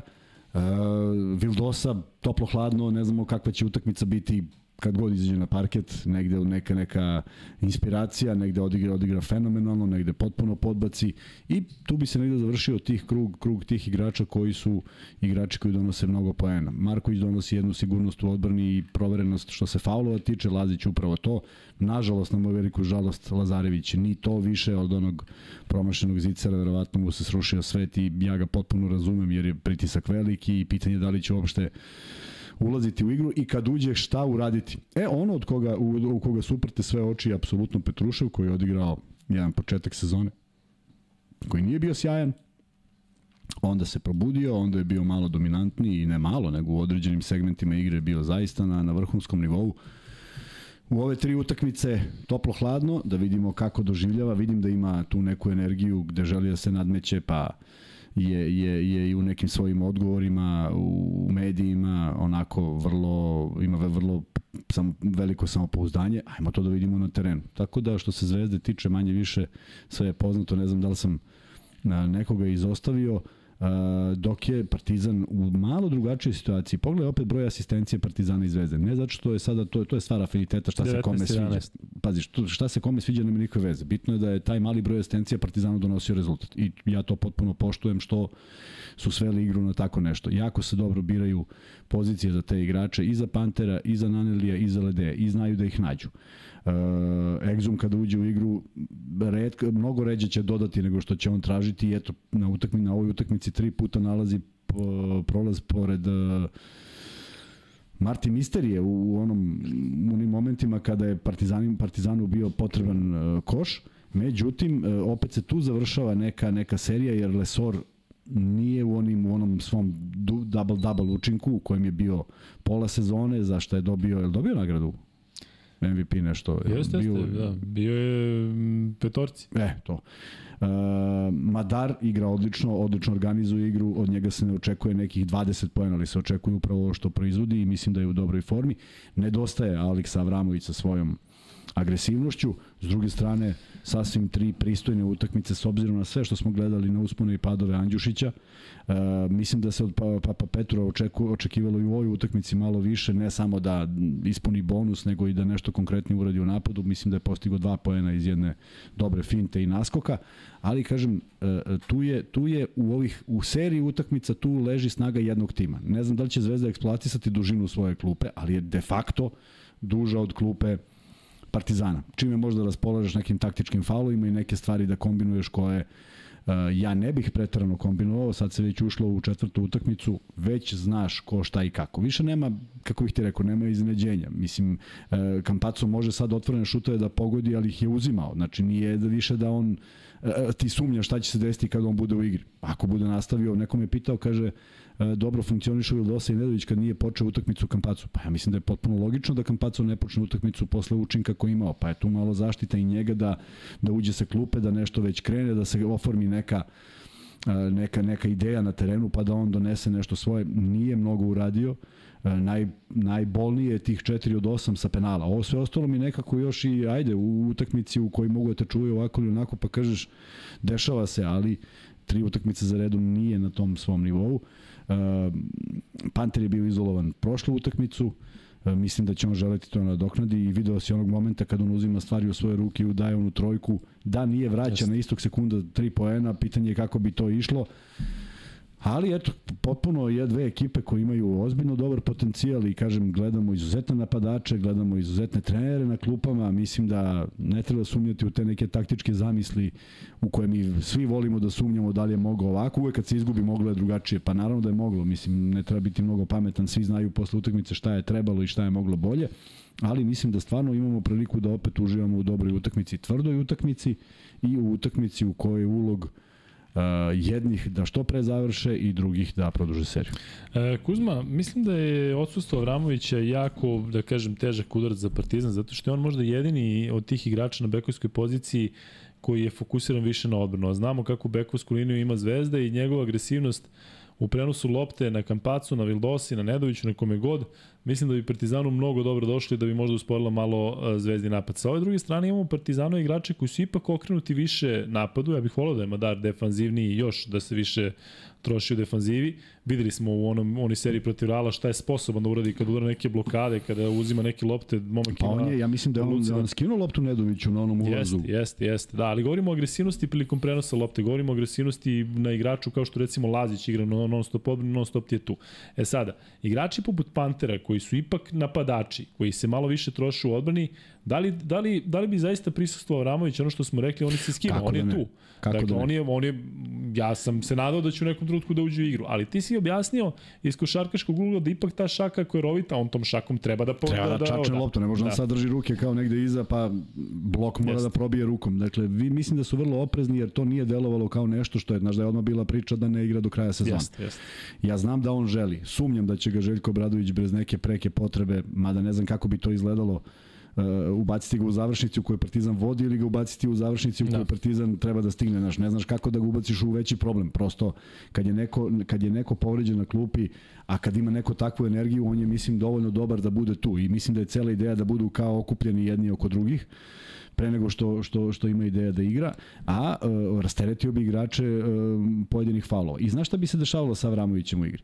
Raspodelili bi se igrači, na primjer, uh, ti hoćeš da zaštitiš Pantera, izabraće najslabiju karaku, kariku u napadu. Neće baš izabrati čovjek koji najviše na lopti i koji najviše trči, što se obično i radi kada hoćeš nekoga da sakriješ. Partizan Zvezda ima takve igrače koji mogu da izoluju. Ali ako fali jedan koji mora da pritisne, onda mora da bude sledeći koji pritiska loptu i onda se dešava da Panter bude u ulozi tog čoveka koji pritiska, a u stvari bi trebalo da bude neko ko se malo više štedi da. zbog, zbog uh, onoga što mora da uradi u napadu. Čekamo 300 like pa da ispucamo prvi max bet free bet, već imam spremljenog košakaša koji treba da bude asocijacija. Kuzma, igrao si sa dosta igrača i igrao po, protiv dosta onih bilo u tom periodu tih koji su igrali i za Zvezdu i za Partizan.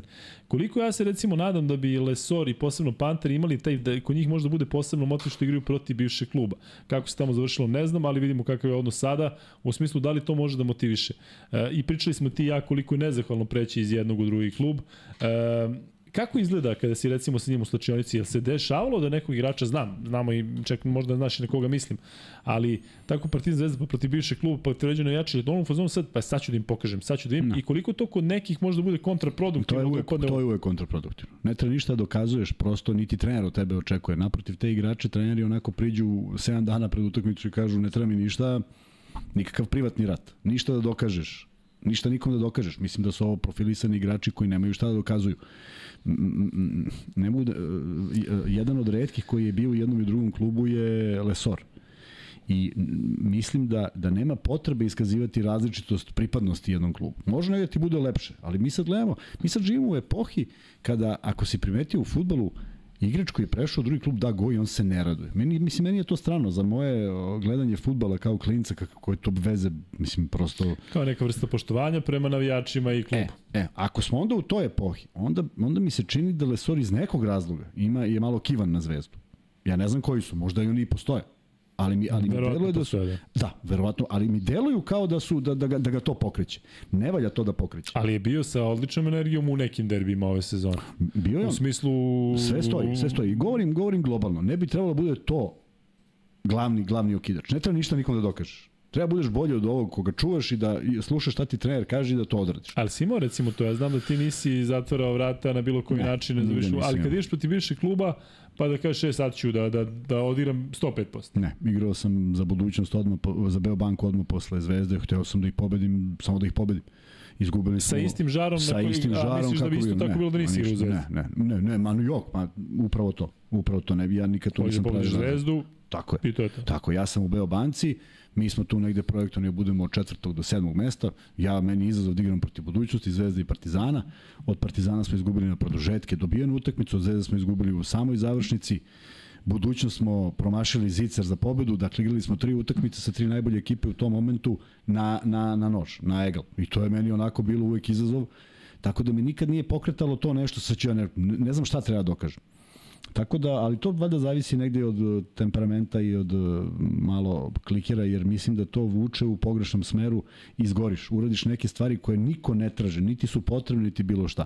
I često, često se dešava da ima igrača koji to ovaj, urade. Ti kažeš, znaš ko je bio u Zvezdi i Partizanu i u budućnosti, ko je promenio malo klubova, nikada to nismo osetili da sad ima neka posebnost u našoj utakmici da sad neko treba da ispada iz da sistema ili nešto. Oliver Popović na primjer je čovek koji je igrao za Partizan i pobedio Zvezdu sam te 88. Kad je bio tinejdžer. Kad je bio tinejdžer, kad je strovalio sve one trojke. A, mi smo bili cimeri u Zvezdi. Ni jednog trenutka mi u derbiju nema sad on kao neki osjećaj, sad će ne, ne znam šta. što sam ga vidio ovde, si zaista lud, deluje kao tip kako, koji... Pa hvala Bogu, pa ne, nije nik, niko A priča o tome kako mu ušao na vijač u stačionicu i nešto mu rekao, ti si grobar, ne da, znam da, šta, da, da, ono period od pre više od 10 da, godina. On ništa gleda, čovjek i nema pojma o čemu priča. Tako da ovaj, nisu nas pokretale te stvari, mislim da ne moraju da pokreću ljude, mislim da je dovoljno što igraš završnicu nekog šampionata, uh, ako preslikamo, ako, ako bismo samo izmestili ovu ABA ligu u nešto u čemu smo mi uživali od 45. do 90. to je bila jedna ozbiljno kvalitetna liga, meni je žao što nije na tom nivou sada u svakom smislu, ne igračkom, organizacionom, kao institucija, kao nešto s čime nema zezanja, Ja bih voleo da je tako, nažalost nije, ali to su to je taj region koji okuplja ipak najbolje klubove. Mi danas čitamo da se CDVita Olimpija pojačava. Ja verujem da izbor trenera u budućnosti i, i ambicije tog tima će da stvore dobar tim. Partizan i Zvezda nadam se da će učestvovati u Euroligi i da će stvoriti dobre timove. Dakle, ovde i dalje može da se gleda mnogo dobra košarka, ali sa nekim drugim uh, izmenama koje mislim da su potrebne ne samo ABA ligi, ne samo KLS-u, nego i Euroligi. I Euroligi ima svoje propuste, je najbolje organizovana, samo zato što Just. ne postoji neka institucija iza. I ja zato gledam i kažem, danas pišem ljudima i kažem, pogledajte špansku ligu. Ne može, mislim, o, o, nekome već ispravio, kaže, španska liga nije, uh, nije pokrovitelj, naprotiv, jeste pokrovitelj lige, nije organizator, nisu, nisu oni vlasnici lige, ali, su, ali delegiraju sudije i sve zavisi od njih i imaju mogućnost da kažnjavaju ili da ne kažnjavaju. Tako da mislim da je potrebna jedna dobra institucija iza toga i sve će neko biti drugačije. E, možemo da ugasimo ovaj pol. Dakle, da li da ugasimo live chat? Da, 46%, ne 54%. Ne da bismo se delili, ali ajde da vidimo koga ima više u ovom trenutku. Dakle, kažem, ovo nije ona neka ideja da se kao sada nešto delimo, nego jednostavno da vidimo kakav je odnos sada kada, obično kada jedna ekipa od večetih rivala izgubi, onda se njihovi navijači i njihove pristalice malo ovaj, povuku iz podcasta i ja sam čuo onako prilično smisleno objašnjenje šta ima da gledam kad sam izgubio, dovoljno sam nervozan, nemam sada šta da slušam, ali možemo da stavimo pol za koga navijate, e, Partizan, Zvezda, neko treći. Juče mi je ovaj, momak koji je bio sa porodicom, kaže, u, ja uvek glasam za e, neko treći. E, Ovde se mnogo priča o Ledeju, e, ne znam da li da ulazimo u tu priču, šta, kako, gde, vidim da se to baš potencira. E, Luka Texan se sad priključio, znam, ne znam da li ste već pomenuli, pročitali da Vasa ide u Ameriku, nadam se da pregovara oko trejda, nema on minute pored Gidije i Šaja, može vaše mišljenje. Da li možda Sparsi? Da, Vas je otputao u Ameriku, to sam vidio ja ideju, bit će tamo u, u ekipi Oklahoma City Thundera koja čini mi se da su svi sada igrači te koje pominješ ti bitni e, već uliko na odmoru i da, da e, neće učestvovati na bilo koji način u ovoj letnjoj ligi koja sledi i svemu. Mislim da je trenutno u fokusu e, svih koji prate NBA draft koji je za tri dana, koji će biti u četvrtak, u našem slučaju u noći između četvrtka i petka, tako da će biti interesantno da vidimo kako će biti raspoređeni ovi pikovi posle Vembanjame. A što se tiče samog Vase Micića, ja moram priznati da će biti jako interesantno da ga pratim. E, mislim da je spreman, u smislu da ako je spreman za NBA ligu, da je možda ovo najbolji, najbolji trenutak. Uzma, ajmo samo kratko da se zdržimo tu. Ti si rekao da je Bogdan Bogdanović odobrao dobar tajming, osvojio Euroligu, uh, iskalio se ovde prvo u Partizanu, dakle, pa onda otišao na korak više i onda je to nekako bio prirodan korak, ideš dalje, tamo je stekao ozbiljno ime, ozbiljnu reputaciju. Da li očekuješ da Vasa Micić ima veće probleme zbog pozicije na kojoj igra, zato što ipak e, je nekako očekivano da ti čisti šuteri imaju bolju prođu, zato što u Americi NBA ligi uglavnom fali. Ja kao neko ko dobro poznaje ekipu Oklahoma i ko se bavi uh, njihovom tradicijom i svime što se dešavalo posle. Da, ako neki klub ne zna što je Oklahoma, zašto je jedan od mlađih. Tako da, ovo, ovaj, ajde ono, kad bi rekao Detroit, pa sad ti... A, Da, e, vidi, e, vrlo je prosto i neko, ne znam s kim smo to tačno ti i ja pričali, ali vrlo je prosto, minutaža ili ne minutaža. Dakle, Vasa nema šta da radi u NBA ligi sa ovim iskustvom da sedi i da gleda. Vasa mora da igra i to je cela ideja. Vasa ako nađe minutažu, e, što se kontrole lopte tiče, mislim da nema problema, mislim da nije imao problema ni u Euroligi da je zaštiti, tamo će to biti no, nivo više, svakako, ali ima dovoljno vremena da se spremi, da vidi da li to njemu odgovara i da vidi neke nove zahteve. Pazi, u ovom nekom workout periodu on će dobiti nove zahteve ispred sebe, da vidimo da li je to nešto što on može. Zato što e, Veka je dobar prijatelj sa, sa Bogdanom, pa mislim da je, da je onda mi on to ispričao što se šuta tiče. Kaže, morao sam da ubrzam šut.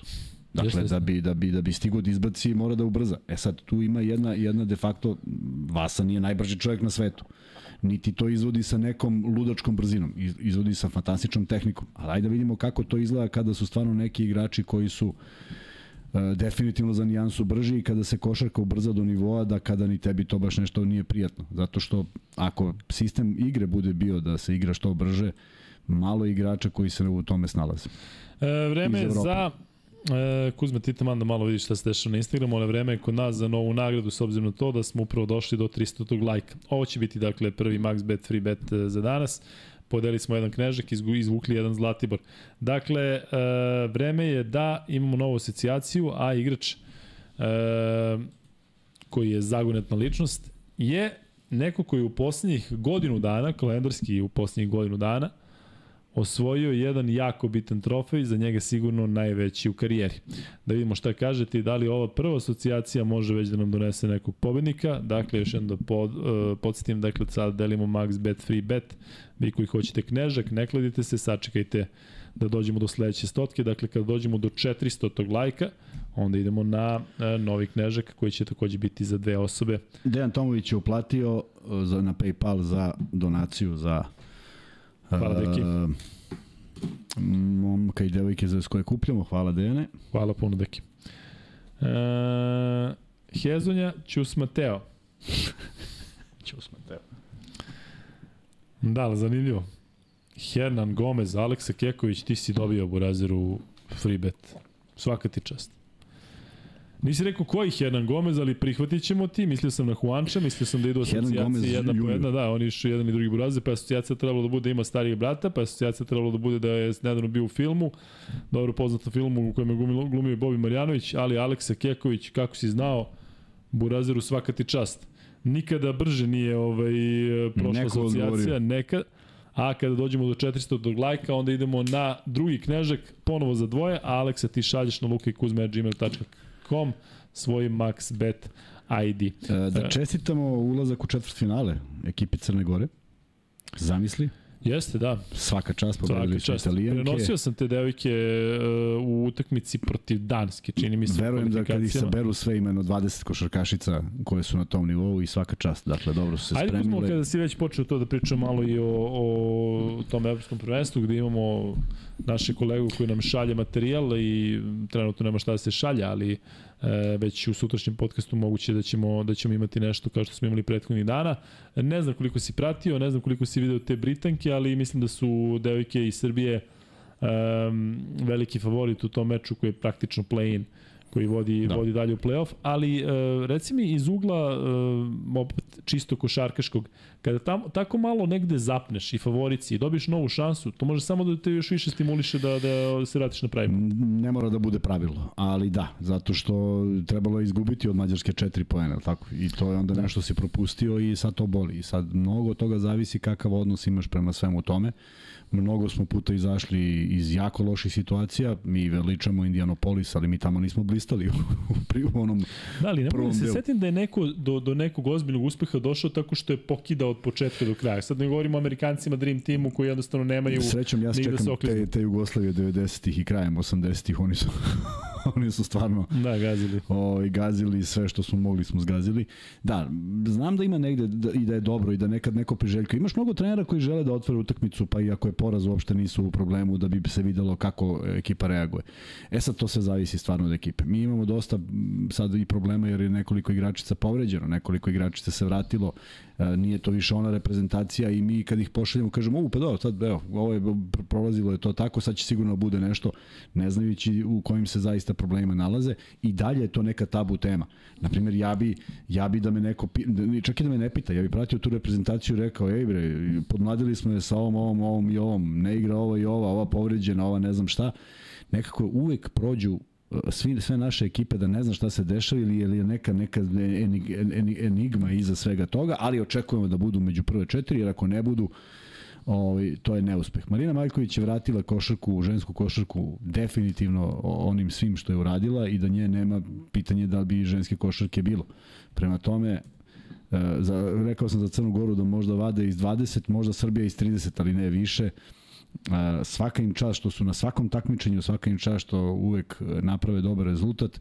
Ovaj put će biti teže nego što je očekivano, ali vidi, ako, ako je pala Francuska one godine potpuno neočekivano, ne vidim zašto ne bi pala Belgija. Bez obzira u kojoj su formi, jednostavno ako se motivišeš dovoljno dobro i da ispuniš te neke zadatke koje ona ima, mislim da možemo da se, da, da, da, da makar Britanke preskočimo, da uđemo u taj uh, naredni krug i da nešto uspemo da uradimo bilo bi divno, ali i da ne bude, ja im skidam kapu jer su to zaista uh, devojke koje pošteno se bave tim poslom i žele da, da, da uspeju i dolaze sa svih strana i vrlo redko čitamo da se neko nije odazvao, ali tako bilo, nema prosto Jeste, takvih da. problema.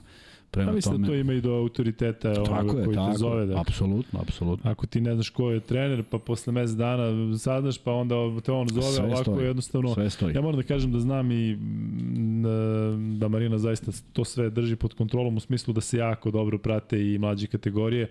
Znam to po svojoj e, rođaki Jovani Spasovski koja je prošla sve selekcije mlađe nacionalnog tima, bila je jako dobra i U16 i U18, sada je U20. Znam da Marina ima onako radar i sve ih prati, i nju i sve te talentovane devojke, tako da se radi baš dobro.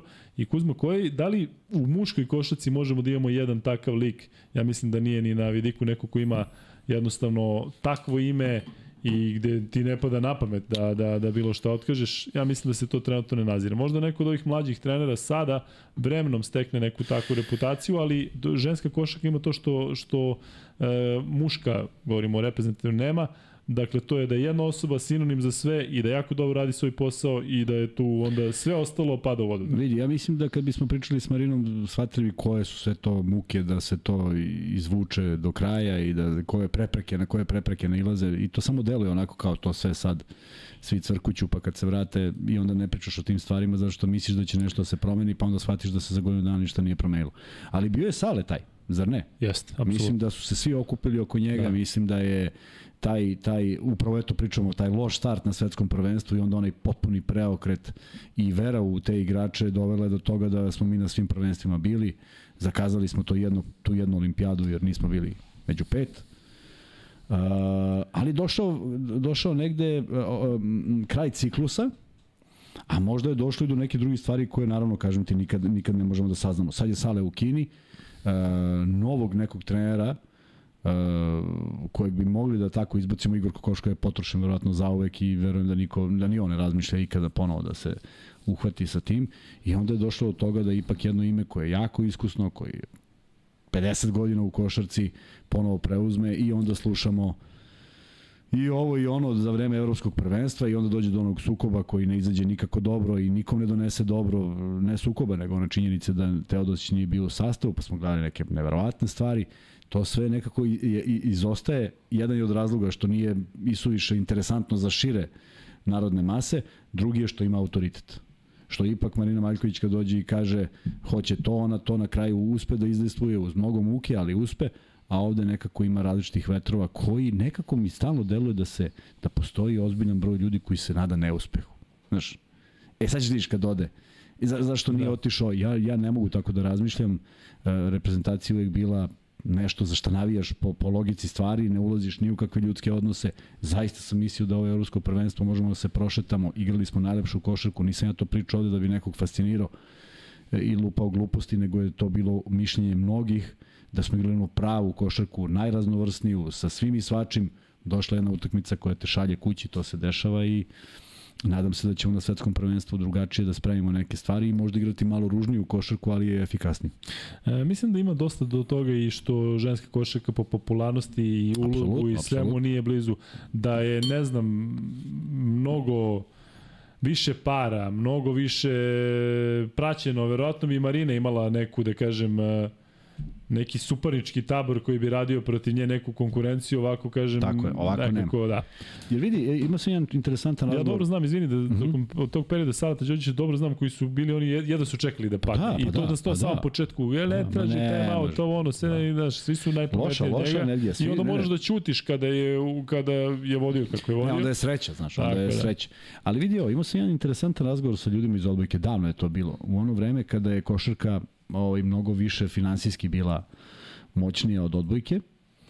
I pričali, a oni su lepo organizovali sve to, znači oni imaju jako dobro organizovan, sad bar u tom periodu o kojem pričam, početak 2000-ih malo tu negde.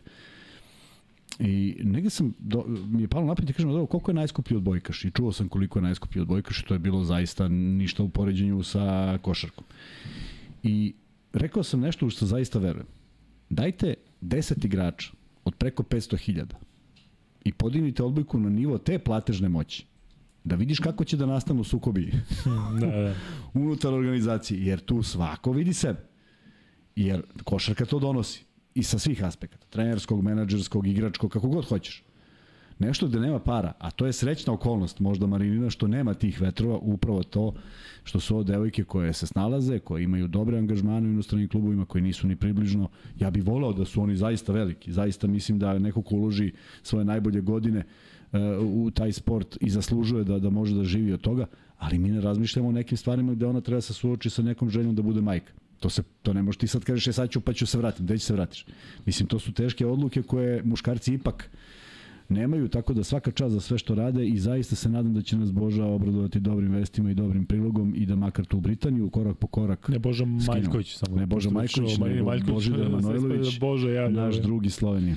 E, dobro, Kuzma, još jednom da kažem da kada dođemo do lajka broj 400, da ćemo onda imati još jedan knežak, još jedan knežak za dvoje, tako da udarajte te lajkove pa ćemo ponovo da se igramo. Već sam spremio novo košakaša za asocijaciju, mislim da će biti jako interesantno. Malo smo skrenuli sa ove teme derbija, vratit ćemo se jako brzo, ali kada već pričamo o tim malo opuštenim tema, s tim što ne mislim da je opušteno ovo što devojke treba sutra da igraju i da će to lako da bude, ali jedna lepa vest, posebno za nas koji smo eto imali prilike da pričamo ovde sa Čankom, to je da je Nenad Čanak Tako novi trener Turk Telekoma, što je jedan, rekao bih, ozbiljan stepenik e, u njegovoj karijeri, zato što sada ipak dobija ekipu e, gde je mnogo veći budžet i gde njegovo trenersko znanje i sve što nosi može još više da dođe do izražaja. Tako je i nezvanično kada je, kada je bio gost u našoj emisiji, zaista je bio e, nekako skeptičan i potpuno ga razumem jer se redko otvaraju ti neki momenti tog nekog napretka. Međutim koliko je delovalo da je ostanak u Litka, Letka Belisu je možda pitanje šta može da se da se izvodi iz toga. Ispostavilo se da eto opet je bio na evropskoj sceni opet je ostvario sasvim pristojne rezultate ne nešto što je s obzirom na budžet koji ima i na, na, na, na, na, na klub koji ima, kakve ambicije ima, mislim da je ponovo igrao dobru košarku, odigrao to četvrtfinale, ne, polufinale protiv eh, Žalgirisa, je li tako? Kad? Pa sad u, u, da, sad u, polufinalu. polufinalu. Dakle, to su neke, neki, neki, neki, ajde da kažemo, uspesi koje je ostvario Just. ipak... Ne na nivou prethodne sezone, tako ali je, tako zato što je tad pobedio Tako je, prema tome to je sve izgledalo i smisleno i lepo i, i svaka mu čast i drago mi je što je kao selektor reprezentacije sad je na pripremama, vodit će u 20, tamo, će, tamo je dočekao vest, Nadam se da to na pripremama sve ide dobro, da vidimo kako će se tu snaći.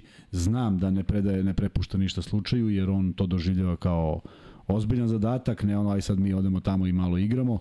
E, opet, eto, ni o toj reprezentaciji ne znam mnogo, jer nemam da ja pročitam, mogu bi da zovem nekog i pitam ko je u sastavu, ko je otišao, ko šta, ko kako, pošto nigde vesti nema, ali kažem, želim njemu i svim njegovim kolegama puno uspeha u ovom letu, da vidimo dokle će dogurati. Ne nužno, ne nužno da se osvajaju medalje, nego da si ti u toj konkurenciji, da si ti neki faktor. E, matematika je vrlo jasna. Možeš pobediš tri utakmice u grupi. Nalećeš na osmog, od kojeg izgubiš i ti se boriš od osmog do 16. mesta. I pobediš još tri utakmice u grupi i ti imaš skor 6-1. I ti si deveti. Ne znači ništa. Loš dan da. nekih momaka koji nisu profesionalci.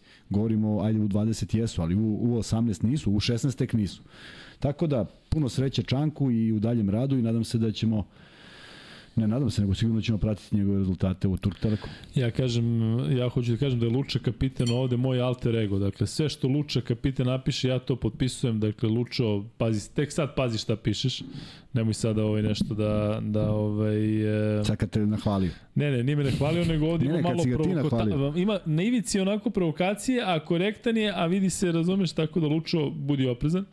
E, što se tiče Nenada Čanka, hoću da kažem da me raduju dve stvari. Dakle, prva je ta što e, konačno mislim da ima sredinu gde je stabilnije, sve stabilnije i stabilnije, da ima zaista dobre navijače. Letkabili su je potpuno drugačije. Čovjek dolazi u prestonicu Turske, pa na veži si je malo mesto gde se svi znaju, dakle postoji ta podrška, oni jesu super zvezde, međutim ovo je, rekao bih, potpuno jedna druga, druga dimenzija. I u košarkaškoj zemlji. Tako je. Čast tako Žalgirisu, ali Žalgiris rekao si je sinonim za, za naciju i to je to.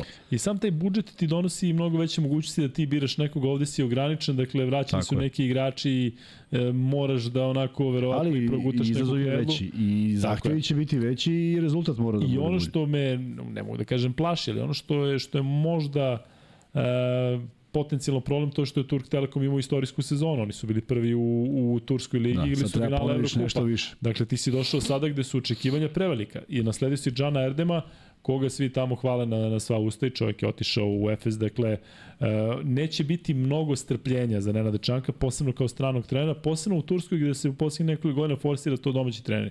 Ono što me sa druge strane raduje to je što uh, pričamo u poslednje dve sezone, tačnije od kada je počeo podcast, mi pričamo o tome kako je lepo što to rade mladi Alimpijević i Čanak i evo sad imaju pri, e, priliku da igru jedan protiv da, da, da. Bursa sa tim e, sad, problemom šta će ostati, da, da li će Tako se je, vidjet ćemo tim kako će to izgledati, ali zadržati. lepo je videti ih u istoj ligi, lepo je videti ih u istom takmičenju, ja pretpostavljam da će i jedni drugi igrati Evrokup, tako da će i taj okrišaj biti zanimljiv. Pazi, jaka liga, jaka liga, Tako. zemlja koja donosi odlične igrače, odlične trenere, na tu si na velikoj sceni, pobediš li nekoga, pobedio si evroligaškog trenera, je tako? I to su neki izazovi. Ovde izazov bio jedan, pa najveći, to je bio Žalgiris, koji ipak uvek imao privilegiju da okupi najbolje što može.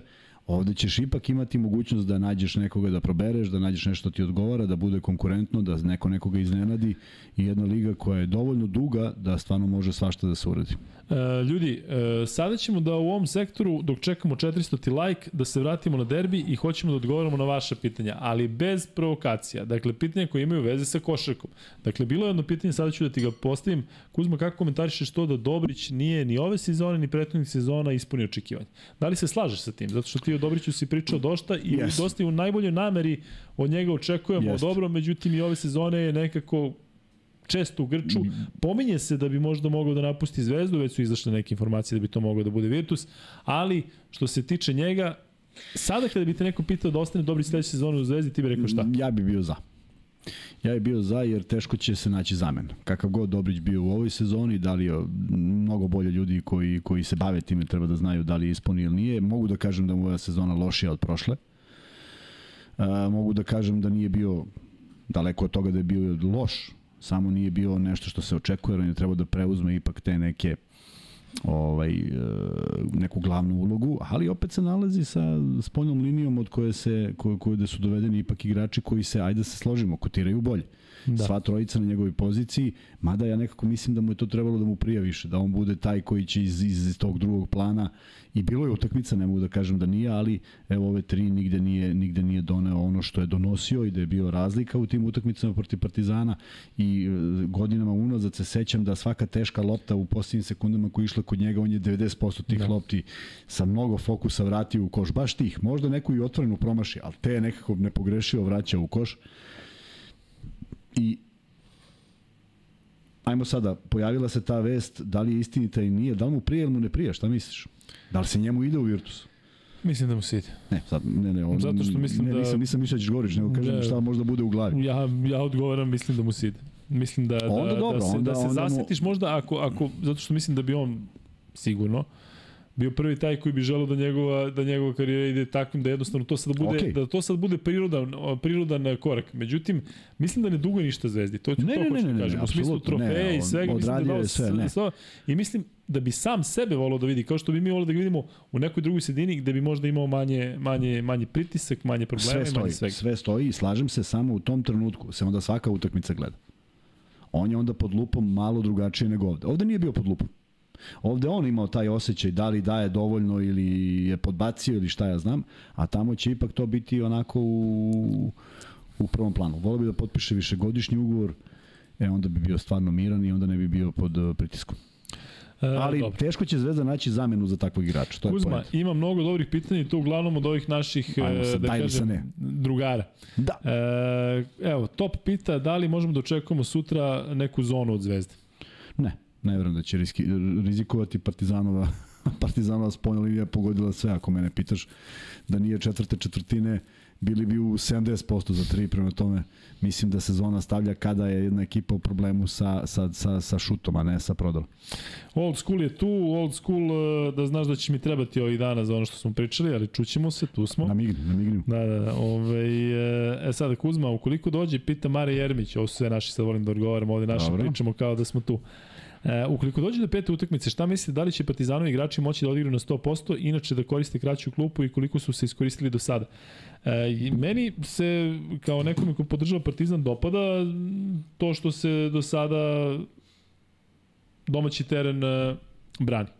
Tako bi treba, daj Bož da bude tako do kraja. Nemam problema ako bude 2-2, ali sam siguran da će biti veliki pritisak na Partizanu. Ovde smo imali čak i pitanje, da li mislite da se štelo da bude peta utakmica u smislu da je Zvezda bila slaba u prve dve, pa Partizan izgubi juče kao odjedno popustio.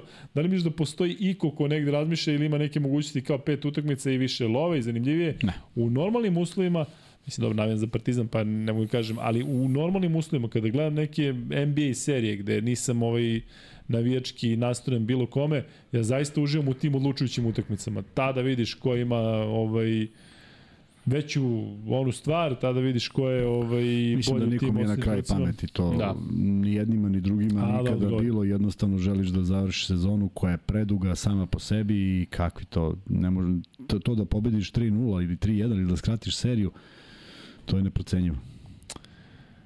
E, dobro. Da li će ako Zvezda sutra dobije Partizan biti pod većim pritiskom u petoj tekmi nego inače s obzirom na seriju sa Realom? Jel treba tu da se prave neki, neki, e, neki paralele? Partizan vodio 2-0, pa Real prikrenuo 2-3, sada dva Partizan vodio 2-0, Zvezda trenutno na 2-1. Ne, ali postoji to podsjećanje jednih i drugih, kao što Zvezda sad to ima u glavi da je Partizan slavio u pioniru. Zar ne? Da.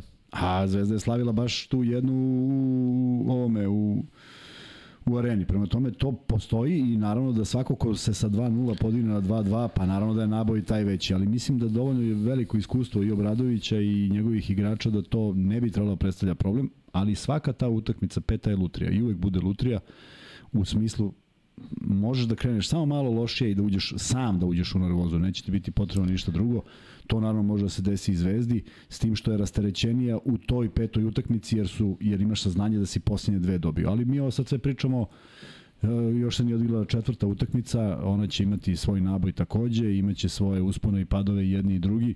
Vidjet ćemo ko će na kraju pobediti, ako Zvezda produži seriju, kažem, taj, taj neki uzlet će biti, ako Partizan završi, proslavit će titulu i završene sezone.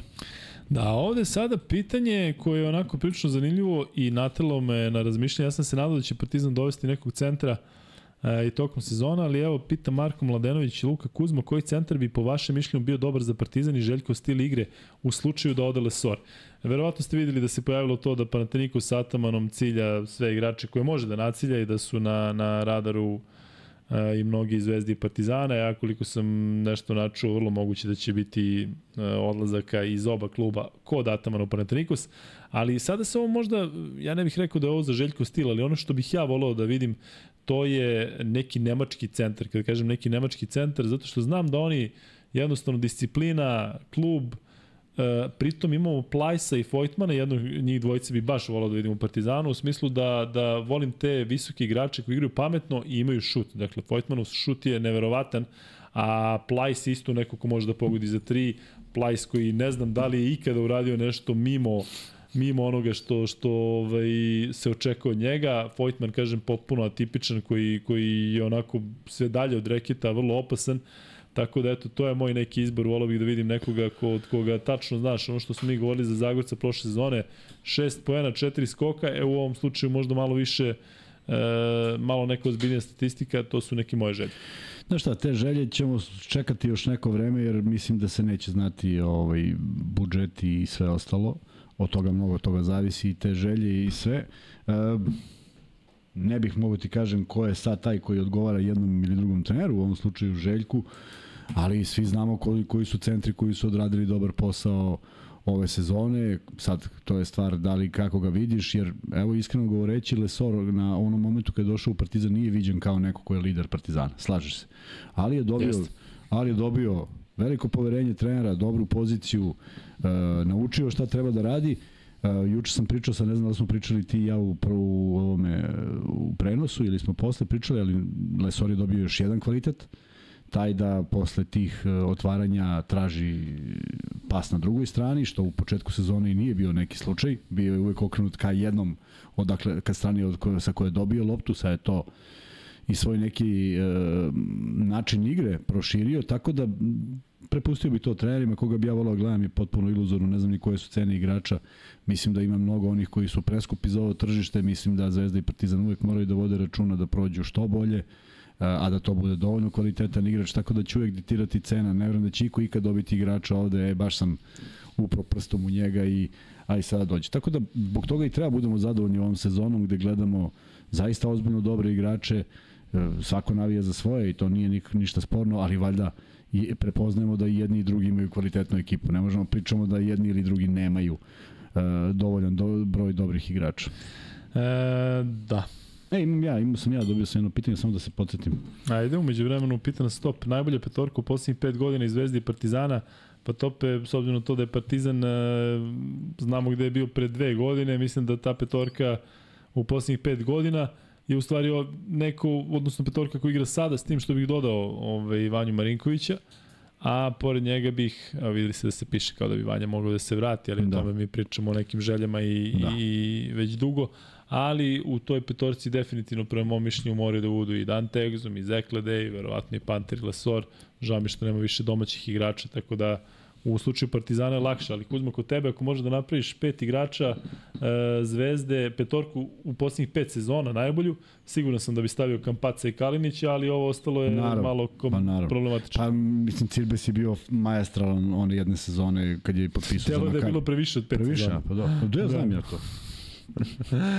Sigurno ne bi one, onih sedam stranaca baš nikog ne bi izabrao, možda Jordana Lloyda ovaj negde na poziciji. Browna ne bi, a? Koji Brown? Brown. Koji Brown? A, Lorenzo Elton Brown, Brown, da, da, da. A, Lorenzo, ne, ima dva Browna koja ne bi, pa zato pitam. Ali vidiš šta kaže Sreten Kasajica. Kaže, šta mi isto ideju ukoliko dobiju trgovišnje ugore, što je malo daleko od realnosti, ali daj Bože, navijam za to. Partizan i Zvezda napuste ABA ligu i igraju samo Euroligu. I drugo pitanje, zašto ABA nije u stanju da obezbedi ni regularnost, ni kvalitet lige, niti će biti? Pa, pričali smo mnogo o tome, ali ćemo za, kako sam rekao, za tebe ali ćemo za Sretena da ponovimo. Dakle, ja bih voleo da ABA Liga ima tu snagu i tu moć i da to bude jedna ugledna liga koja kada nešto donese neku odluku, to se i desi. Nije ovo, nije ovo ništa od skora. Menjali su se formati takmičenja ad hoc, menjalo se koliko klubova ispada ad hoc. Iz ABA 2 se ne ulazi u ABA 1, misteriozno e, sve je nešto poremećeno, prosto to nije institucija koja, koja može da, da kaže ej, na početku sezone je tako i sad će da se desi ovo i baš nas, baš nas briga šta, šta vi pričate, to će da se desi, nema ni rasporeda takmičenja do pred sam kraj, tako da iluzorno je pričati o tome, a ovim trogodišnjim licencama, da, zaista te ništa ne obavezuje da igraš bilo koje takmičenje. Just. Jednostavno, tu si i baš te briga i sad mogu svi da se ljute. Olimpijakos igra drugu ligu, Uh, ne znam ko najavljuje da ko je najavio da će igra da napravi Monako će napraviti dupli tim pa se već pobunila da, francuska da, federacija. E to e to je sad to to je institucija koja kaže ne može. Ali šta koja bi konsekvenca bila? Monako ne igra domaću ligu. Oni ako ne žele da igraju domaću ligu iza E upravo to. Malo je došlo tu do javašluka jer svako može da organizuje privatnu ligu i ovo sve jesu o kojima pričamo o privatne lige i zato su ti problemi koji nastaju jer kako to bio u privatnim poslovima uh, jednom za škripi daj da mu pomognemo, da pomognemo ovom i onda se izgubi sav smisao ko kome tu pomaže i zašto.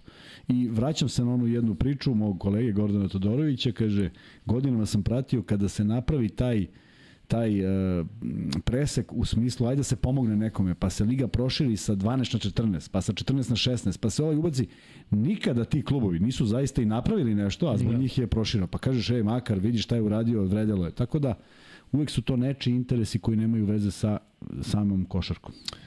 Čekamo još 16 lajkova za novi knežak. Umeđu vremenu pitanje da li može neko da objasni šta se dešava sa Lesorom. Dečko je nenormalno pao u formi, juče na utakmici bukvalno kao da nikad loptu nije držao u rukama. Ja kažem, ja sam na Lesora ponosniji nego ikada ranije, zato što je uspeo da se izbori sa ozbiljnim pritiskom. Očekivao sam da će možda opet da da odreaguje kako ne treba, ne zbog njega toliko, svaka njemu čast, nego samo da ne bude nešto na štetu Partizana, a bilo je fantastičnih partija tokom cele sezone i onda, kažem, nečega što je bacilo senku na to, ona pauza u ABA ligi, pa pauza u Euroligi, Uh, ali hoću da kažem za Lesora da, da zaista mislim da je dao svoj maksimum i da se istrošio. Govorili smo o tome ove sezone, dakle kad god smo Mnogo mi, je kad god smo mi, toliko utakmica, mi kad god čitamo ono pa minute, e, Lesor 38, Lesor 39 i to je uvek on 4 faula, a 11 faula napravljeno na njim. Dakle, taj dečko ima sigurno neke limite koliko može da igra. U ovakvom e, sistemu takmičenja, zaista je nemoguće da igra od, od oktobra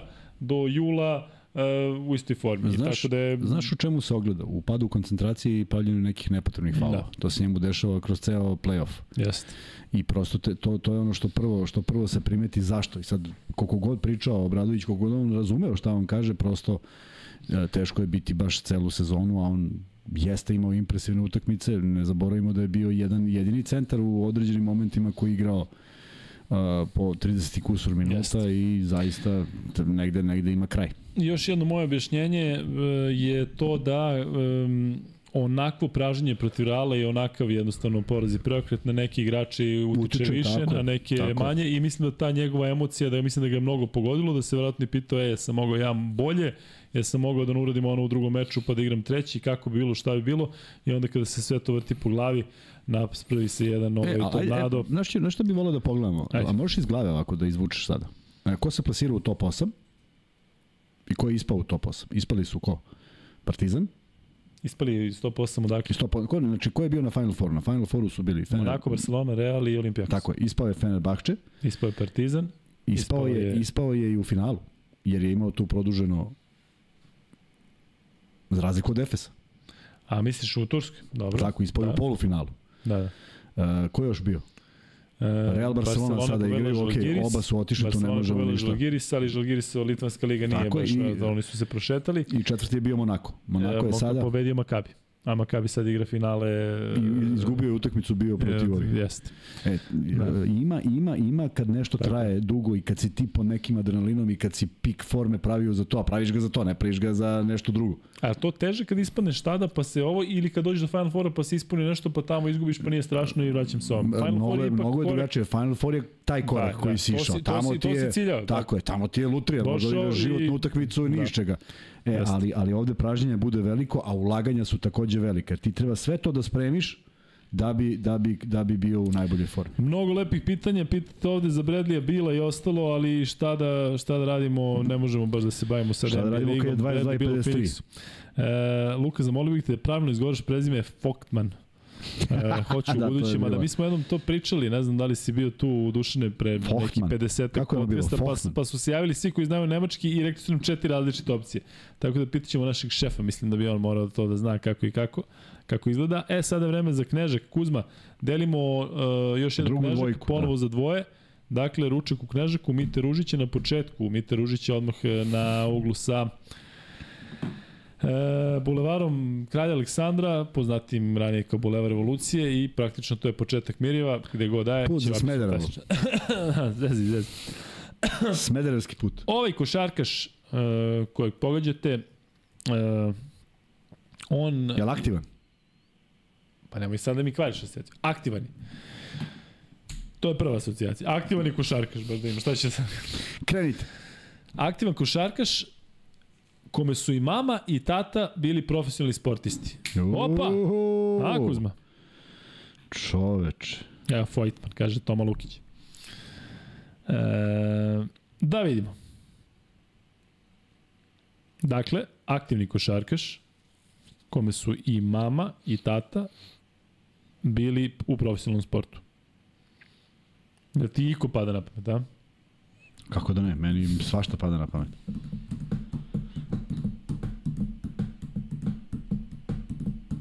Slađan Tošev kaže kod mene na ćošku, mislim na Knežak i pohvalio je, Slađan je malo pre, ne malo pre, ali Malo pre jeo. rekao, kaže, jeo sam, neverovatno je tako da Slađane, i mi smo jeli i znamo koliko je dobro. Kristijan Brown nije, Uroš Trifunović nije, Kalina nije, Kari nije, Vukčić nije, Modolo nije, Bero nije, Trifunović, Trifunović, MPJ, Đurišić, Đurišić, jeste, Nikola Pavlović je rekao Đurišić, i Nikola Pavlović će dobiti knežak za dvoje. Bravo Nikola, jeste, ja sledeći, došli bismo asocijacijama do toga da treba da ide uskoro na draft, da, će, da je verovatno sad u Americi, ali Đurišić je tačan odgovor. Tako da, Nikola, šta da ti kažem, šalješ na lukajkuzma.gmail.com da si dobio knežak za dvoje i onda te mi najavimo i ti ideš da klopaš, povedeš koga hoćeš. E, kada dođemo do 500 lajka, onda ćemo da izlačimo novi e, Galens, novi... e, Koliko ima lajkova? 409. Pozovi Zvezdaša. To ćemo da brzo. Ajmo svi. Znaš koliko ima Zvezdaša? Zvezdaša ima mnogo više. Na uzorku od skoro 1000, 57%, Partizan 39% i neko treći 5%. Standardnih 5% za nekog trećeg. Dobro, ja mešam. Evo Pa da mešaš. mešam samo. Tako. Sad će, sad će nagrnu. Sad će nagrnu. neće nagrnu sigurno zato što tu ih, ko, da svi lajkuju tih njih koliko 17, to nema ništa. Dakle, Ovdje ima 53 još ovde. Ajde vas 53. 53. Da. dakle kad dođemo do 500 lajka, izlačimo novi Zlatibor, Galen Sad su kad iz nas. izvučemo Zlatibor, pogledamo da li lajkova. Rešavanje rešavanje uh, ozbiljnih uh, repova i ulazak u št, novu dimenziju podcasta Luka i Kuzma, tako da hvala Đole, hvala Nemanja što ste sa nama ovaj, od početka, ne od početka, od početka naše saradnje, ali ste tu već dugo i zaista to sad sve ide u sjajnom pravcu. Kuzma, e, bilo je još zanimljivih pitanja, ali ja ću da izdvojim jedno, ako ga pronađem. E, da li vidite na pozicijama 4 i 5 da ostaju u Crnoj zvezdi neko sem Mitrovića i Petruša? Po mom mišljenju nema mesta ni za koga. Bentil, Martin, Ilić, Kuzmić, Raduljic, Saut. Kuzma se slaže sa tim ili bi recimo dao šansu Iliću ili bi možda Kuzmiću produžio još jednu sezonu, ali ja mislim da on već sada na, na E, Na zalasku karijere mislim, bogate, ali mi pitanje koliko može da pruži. A, evo ovako, ja ne znam, volao bih da je Petrušev na više godina, zaista ne znam da li ima izlaznu klauzulu, mislim da se njemu ide u, u NBA, vidjet ćemo da li će biti neki klub koji je zainteresovan za njega, ali mislim da postoji ta, ne znam, samo pretpostavljam. E, što se Ilića tiče, verujem da je došao na, duži, na, na duže vreme u Zvezdu. Ne mislim da je uopšte ostavio neki loš utisak u ovim utakmicama.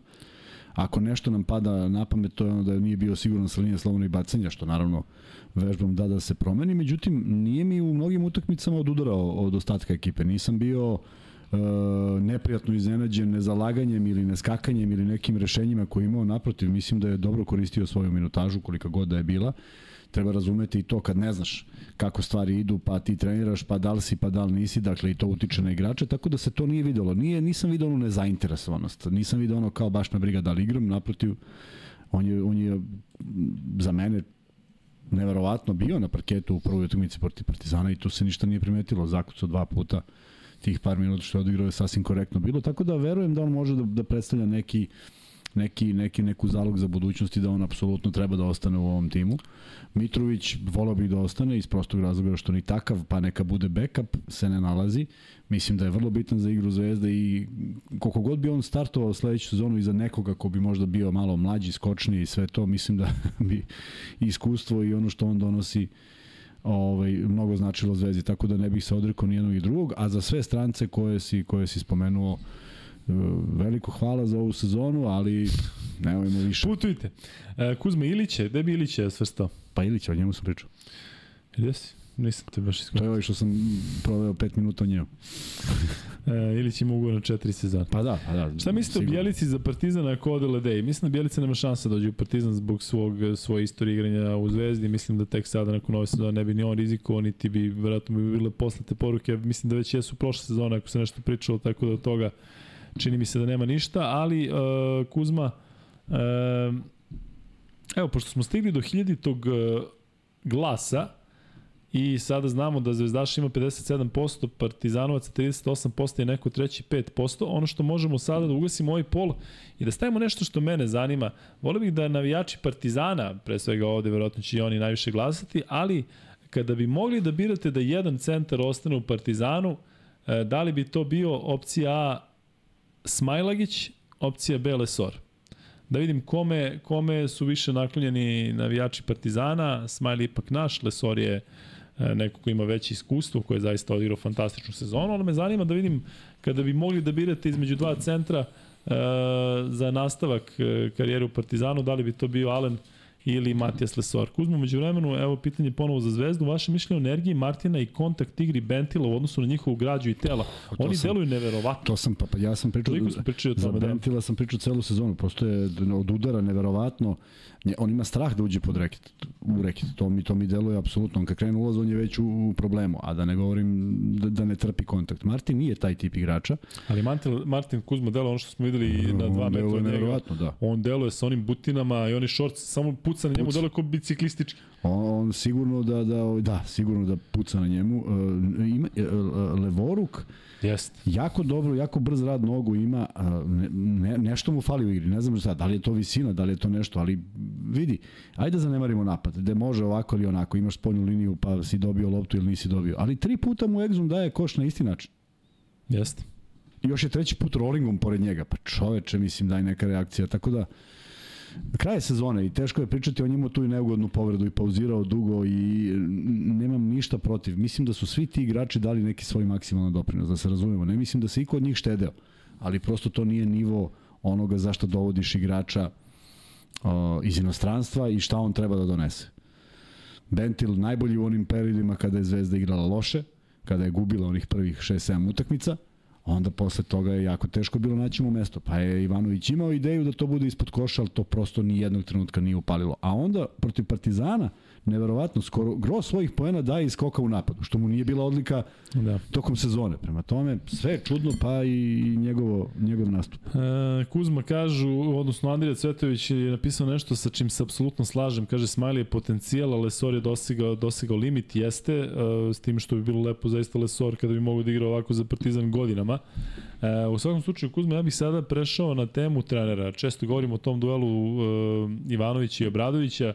E, da li, ja mislim da se apsolutno svi slažemo da, da ove te, trenere šta god se desi u ovoj sezoni, šta god se desi u sledećim sezonama, da treba da ih negujemo, da taj rivalitet između njih dvojice traje što duže i da obojca ostanu uh, Zato što ako se setiš ko je sve prošli kroz Zvezdu i kroz Partizan u poslednjih 10 godina, mislim da ne cenimo dovoljno to što imamo dva, dva takva košarkaška imena i dva toliko poštovana trenera u inostranstvu. Da, ne, ne, ne među protivničkim navijačima, nego generalno imate jedan da. koji, koji Mislim da ne govorimo sad o njihovim uspesima, da, da znaju svi. E, neću da ih poredim, prosto zna se da je uspešniji Jest. i e, Željko Obradović, ali govoriti o broju godina provedenih u Euroligi zaista je impozantan i kod jednog i kod drugog. E, ne ulazim kako, kako kako bi se, na primjer, Ivanović našao u tim nekim timovima, da bi to bilo to ili ne bi, da li je on uzao neki tim koji je po, po svemu bio projektovan za 7. 8. mesto, a Željko ipak imao taj da. tim koji mogu birati. To su sve stvari za, za neku dalu, da, dalju prošlost. Ne bih ih poredio na taj način. Upravo ovo što si rekao, dva vrhunska trenera koji se nalaze e, na radu u Srbiji, što nije tako često. E, velika razlika između njih u ovoj sezoni je što je Željko Bradović sklopio tim koji je želeo, e, dok Ivanović je mogao da dovede pa čak i ne mislim da je on mnogo uticao na dovođenje ovih igrača, koliko su se otvorile te mogućnosti da dođu Vildosa i Campazzo, znajući neku njegovu uh, neki njegov odnos sa argentinskim igračima, verujem da je on to beručke prihvatio, ali je velika razlika kada Delija ti dolazi, dolazi Delija. Znaš Deliju, onog argentinskog centra? Samo se Delija. Zove se Delija, da, da, bio odlično u mlađim kategorijama sad. Ovaj, uh, i, i, i, video, volim, želeo bih da vidim kako, kako izgleda taj tim. Zato što mislim da bi bilo iznenađenje. Ako ćemo da uzmemo za ovu sezonu, to je za prethodnu sezonu, sećaš se koliko je kontroverza izazvao uh, ideja Obradovića da Exum bude jedan. I pričalo se o tome i pričalo i pričalo. E tako mislim da će Ivanović kad bude izabrao možda Polonaru, možda, e, pričamo ono šta, šta štampa piše, verovatno ćemo svi biti malo u šoku, a možda se desi da taj Polonar igra fenomenalnu košarku jer mu se zna mesto. Prosto, uh, vrlo je bitno i najvažnija stvar kod trenera jeste da oformi tim posle onoga što je dao Zvezdi onakve dve trojke, onako se malo kurebecao, mislim da će teško da... da, da, da Slažem da, se, da, govorim da, samo da, primer, dakle, meni da. je Polnara sad primer nekoga u koga očigledno Ivanović ima poverenja. Moguće će to biti neko drugi za kojeg ćemo reći, uvre čekaj što ovaj, a u stvari je to to što nedostaje. A, on je, nažalost, nasledio ekipu i iskoristio na najbolji mogući način. Ja želim da podsjetim da uz fantastičan uspeh Partizana koji imao 20, 14, je tako?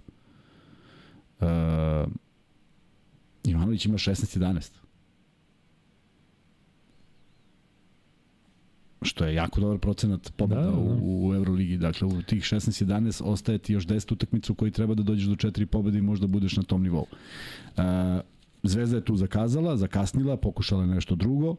Dovedeni su igrači koji su sa uh, iskustvom uh, Evrolige, ali ne iskustvom vodećih igrača, dok su i Ledej i Panter ipak bili bitan, bitan šraf u igri Armanija.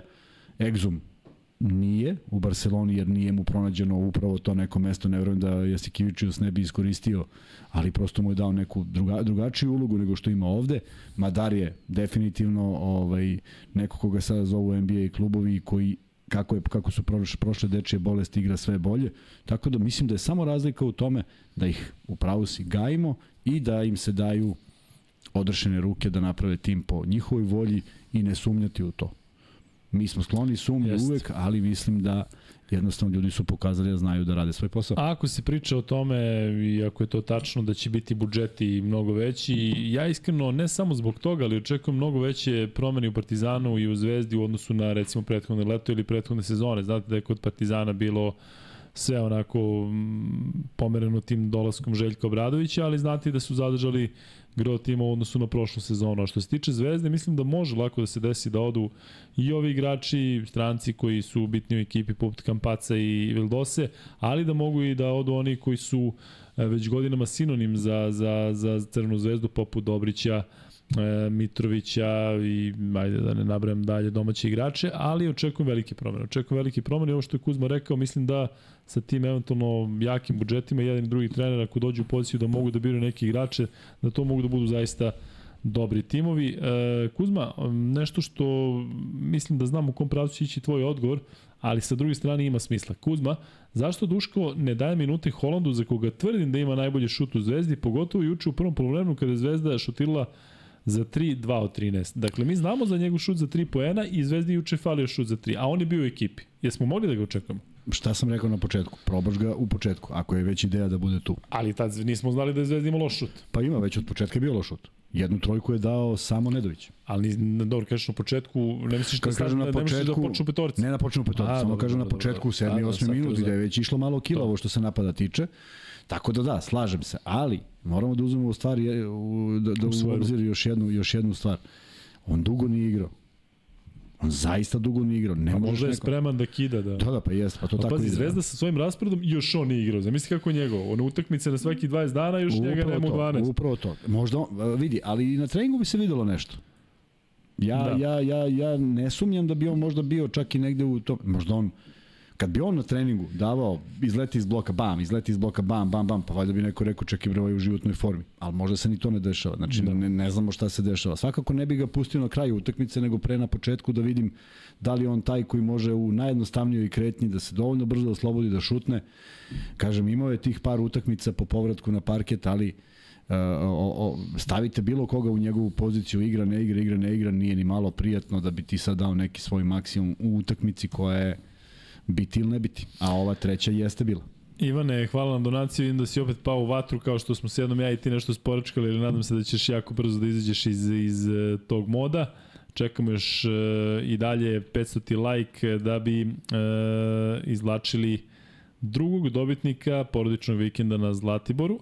A umeđu vremenu ja samo da se vratim na seriju između Zvezdi i Partizana i da vas podsjetim ako ima onih koji uh, eventualno to ne znaju, ali utakmica će sutra biti odigrana u 19 časova, što je najraniji termin u celoj seriji, dakle utorak u 19 časova, a eventualna majstorica, dakle taj peti meč, kada ako Zvezda sutra dobije, se serija vraća u arenu, e, igra se u četvrtak, dakle tada imamo redovan termin, još kažem, ponovo ne znamo kako i na koji način radimo sutra, verovatno nećemo raditi live zato što je jako teško izvodljivo, ali ćemo se, pretpostavljam, videti posle utakmice, vidjet ćemo ko će dobiti, kako će sve izgledati, tako da tokom uh, sutrašnjeg dana ćemo vas obavestiti uh, šta i kako. A vi sejte i gledajte u ekran za svaki slučaj. Tako je. I, da ne iskoči neko obaveštenje koje niste vidjeli. Ali sad bez zazanja, zapratite nas na Instagramu, tamo Kuzma osim što ima sve i svašta, privatne fotografije stavlja svoje. E, zaista imamo i ta neko obaveštenje, pratite naš community na YouTube-u, pretplatite se, odnosno subscribeujte se ako niste.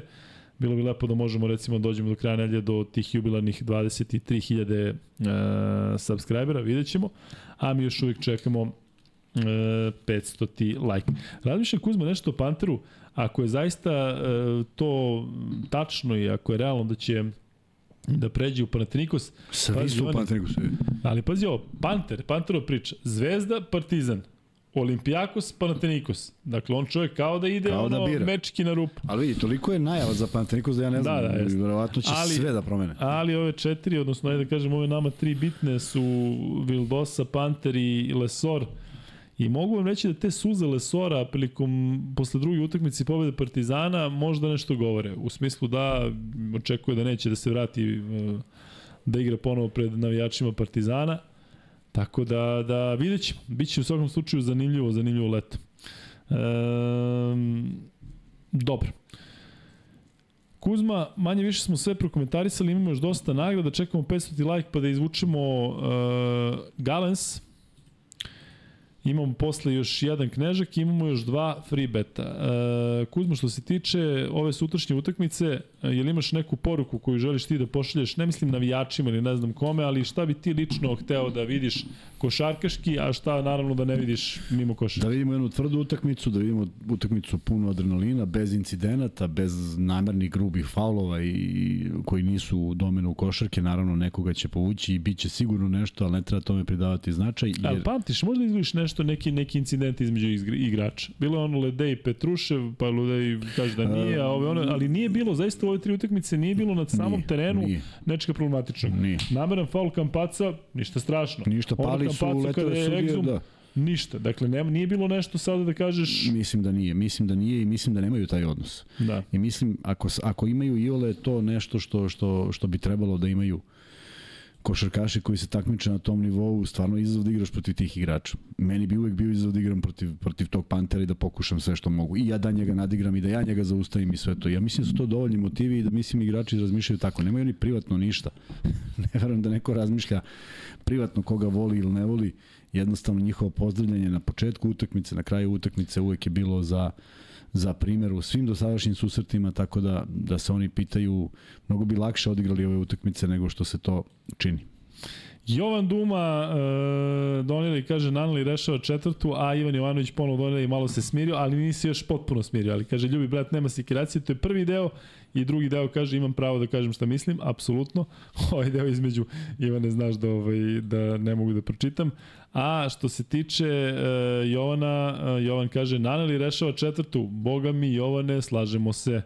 Odnosno, ja imam taj neki osjećaj, mada, mada, kažem sada i verovatno ću da promašim, ja mislim da bi sa jedne strane sutra mogao da se istakne Dobrić, a sa druge strane bi možda mogao da da neki veći doprinos Trifunović ako dobije šansu, a možda samo ja navijam za, za naše igrače, tako da vidjet ćemo. E, Kuzma, imaš zanimljivo pitanje, samo da mi se ovo ugasi. E, ovo sada te vraća u 25 godina unazad. Može, to volim. Da li si prebolao Meš Veronu? Šta se ta desilo? Oliver Popović i danas mi ta poništena trojka u glavi. Dobro, stvarno je kasnila. Ma tako. kasnila, nema šta ne, poništena. E, da. A čekaj, ta trojka bi donala pobedu ili, ili produžetak? Skoliko je na koliko? Mm, pobedu. Pro, tako, pobedu titulu? Se, da, titulu, da. Ovaj, na, na, na, teško je reći ovaj, da li imam tu bol, zato što smo osvojili titulu. E, zato što mislim da bi se jako teško, ovaj, ne mogu da sad ja ne želim da, da, da, da, da govorim šta je vrednije. E, prvo, taj kup korać smo ušli onako poprilično svi naivno. Mi nismo imali neko veliko iskustvo. Niko od nas nije igrao Evropu jer Evrope nije bilo 3-4 godine niko ni mogao da igra. Ja ne znam da li je neko uopšte u ekipi imao to neko evropsko iskustvo. Pa čak, čak e, Neračunić Želavicu kao prvog trenera, Lala Lučić je vodio Zvezdu u onom mandatu kada se je bilo pod sankcijama. Dakle, da. ni on nema neko evropsko iskustvo na tom, u tom smislu. I mi smo ušli jako poprilično naivno i pobeđivali jednu utakmicu, drugu, treću. I stvarno kad smo došli od tog meša iz Verona, tek tad smo shvatili da mi igramo finale. Mislim, kako bi ti rekao, mnogo je, mnogo je bilo benignije nego sada. Nije to bilo, i nije bilo te fame oko svega toga. Izgubili smo zato što smo se izglupirali, zato što ljudi koji su bili odgovorni da spreme... Uprio nekog prstom prošlo četvrt veka, pa dakle reci, nismo se, kriv je nismo onaj... Se spremili, nismo se spremili za utakmicu. Jednostavno pobedili smo tu u Veroni, da, nismo se spremili za revanš. Svima nam je bilo žao zbog toga, ali ja negde kad smo osvojili titulu na način na koji smo osvojili posle pobede nad Železnikom, mislio sam da, ubeđen sam bio da ne bismo došli do titule. E sad, vagati šta je važnije i taj kup koraća kojim smo tada bili blizu pa nikad više, sigurno bi to bilo nešto najlepše u karijeri, s obzirom da više taj kup ne postoji, pa ti onda još ostane lepši, lepši, lepša uspomena, ali igrali smo to finale i osvojili titulu u istoj sezoni, ekipa koja se tek okupila i zaista je bilo privilegija biti, biti na tom mestu u tom trenutku zato što je to mnogo lep osjećaj jer uh, nismo, ne da nismo verovali, mislili smo da naše vreme tek dolazi. Mislili smo da je ovo sezona gde možemo da dođemo do finala. A ako gostujemo, ajde, možda, međutim, respektovali smo Partizan, imali su uigran tim, imali su odličan tim, mi smo se tek skupili te godine, ogroman jaz generacijski. Uh, Topić Topalović, ja iz Beočina, Benčić Popović iz uh, Beobanke i ovde plejada mladih igrača. Perović, Rakočević, Mišković, Stanojević i, Rakočević, uh, i Bolić. E, i tu je bilo malo, malo dok smo, dok smo legli, međutim, eto, neke stvari su se poklopile. Ostaje žal što nismo ostali na okupu, to je jedna velika greška prethodnih E, prethodne uprave Zvezde koja je tada bila na čelu, rasformirali su tim i boga mi taj post je trajao pa jedno 14 godina. A? Je 14 godina? Ne Jeste, pa, 2000, 2014, tako. 14. Posle primat preuzima budućnost, to ko nije znao, budućnost je nastala tako što je prvi ovaj, povukao odlazak baš zbog te godine, otišao Topalović i iste godine doneo titulu budućnosti. Topalović je bio prvi taj strani igrač, jer tamo su crnogorci domaći, svi ostali su strani. Bio je prvi igrač koji je doneo to nešto na toj poziciji što je nedostajalo budućnosti, pošto je budućnost, ti znaš koliko ja volim te momke i kako su, kakvu su opasnost predstavljali sa spoljnih linija, ali on je prvi centar koji je doneo tu jednu čvrstinu u reketu. Bio je Bulatović dole, dakle ni malo je ekipa za, za šaljenje. Prema tome, kad je otišao Topalović, to je prva titula budućnosti, a onda plejada igrača Zvezde, Topić, Kuzmanović, Rakočević, Saša Obradović, Goran Ćakić, Dejan Milović se pojavljuje tamo, pitanje je da li bi išao u budućnost ili bi možda prešao u Zvezdu. U tom trenutku. Žarko Čabarka pa se pojavljuje tamo, pitanje gde bi on išao, dakle svi su išli ka Euroligi pre nego prema nečemu drugom i mislim da je to onako najveći minus koji se desio, jer mislim da je Zvezda sa tim igračima koje sam spomenuo mogla mnogo toga da uradi u naredne 2-3 godine. Um, Kuzma, došli smo do 500 lajka, tako to izvučemo novi Galans. Drugi a, Galans je drugi Zlatiborac koji Daj, ide u Zlatibor Rizoten Spa. Evo, ne gledam, mešam, ne gledam, mešam. Kad ću ja da izvučem komisija, neki galans? Čemu služim ja ovde? Samo neke komisija asocijacije. je konstatovala da sam izvukao jedan, klimaju glavom. A ovo su opet neki Kuzmini rođaci. Kuzmanović! Nikola Puhalo 32. Nikola Puhalo 32, ako si tu javi se, da znamo Majke da pratiš. Majke mi vidio, evo, op, op, op, I da još jednom podsjetimo da je ovo poslednje kolo, poslednja Tako nedelja je. pred pauzu, sutra. Nikola Puhalo, čestitamo. Moguće da će se završi ABA liga, igra se još Španska liga, prokomentarisat ćemo kratko i Real i Barsu, ali jednostavno ljudi završena je sezona. Možda bi mi mogli da ubacimo recimo i ove devojke sada, ali ne bi to bilo ne, zanimljivo. Dakle, A znaš šta je sad fora? Ne možemo stavimo na primjer dve utakmice kao što si stavio, zato što ne znaš da li će se igra i onda tako, ne znaš koja će kada. I, i Barcelona je na 2-0. Jeste, jeste, jeste. Dakle, baš bi bilo onako na mišić. E, kada dođemo do 600. lajka i idemo na sledeći free bet, a ja sam spremio, spremio sam još jednu asocijaciju, ovoga puta će biti Uh, ajde da ne najavljam, ali evo ga već mi je ovde otvoren da, da potvrdim to što sam, što sam planirao, odnosno da proverim informacije. Kuzma, imam za tebe jedno pitanje koje će te vratiti duboko u prošlost, ali Još da ljudi ovde, vidim, vidim da ovde ljudi... Među dinosaurus. Uh, jest, vidim da ljudi ovde i dalje u velikom broju gledaju, imamo 1220 gledalaca u live-u. E, hoću da te pitam sledeće, dakle, kroz e, ovo poznavanje sa tobom i kroz rad u podcastu, e, neko mi se čini da postoje neka tri ključna momenta u tvojoj karijeri, ali da kažem tri negativna momenta. E, I volio bih da se vratiš na, na svaki i da ih sortiraš. Čini mi se da ono što, što bi ti, svaka od tih stvari bi ti verovatno promenila karijeru u boljem pravcu i ono da kažem sigurno nešto za čim žališ, to je dakle to je taj poraz od Partizana u, u um, finalu Winston Juba Ligi, zatim poraz u revanš meču protiv Mešera, ono čemu si pričao sada i rekao bih ono što verovatno ti je i, ne mogu da kažem, najlakše palo, ali to je e, taj poraz od Panatenikusa sa budućnosti. Kada sada to rangiraš i kada gledaš, jer razmišljaš o tome da smo dobili Partizan, verovatno bi i moja karijera bila drugačija, da smo dobili, da smo pobedili ovo, verovatno bi ostao u Zvezdi, verovatno bi se ne bi bile takve promene. E, za čim najviše žališ i kada onako možda možeš da izvučeš jednu stvar koja ti je najteže pala? Pa i sad glupo zvuči, ali stvarno sam izvlačio najbolje iz svega toga i nisam do, do, dozvolio da potonem, jer uh, biti na spisku, širem spisku reprezentacije pred Atlantu sa nekim ozbiljnim nagoveštajima da sam vrlo blizu konkurencije i da bi mogao nekoga da, da ugrozim time, ovaj, naravno da predstavlja fantastičnu stvar, ali dešava se šta se dešava, ne gubimo samo titulu, nego gubim i tu mogućnost da se oprobam sa najboljim, što bi bio već neki životni san, s obzirom da bi te 96. to značilo da sam ja u trenažnom procesu 7 godina. igram, igram sa najboljim igračima naše zemlje koje ono, na televiziji držim zastavice i maš. I kad ih vidimo nesvestim se. Takav sam stav imao prema njima. Međutim nisam. E, sad ću ti reći, poču, pokušam da racionalizujem i rekao, ok, dolazi evropsko prvenstvo. I ajde da se nametnem da budem možda za sledeće, pošto posle Atlanta je išla 97.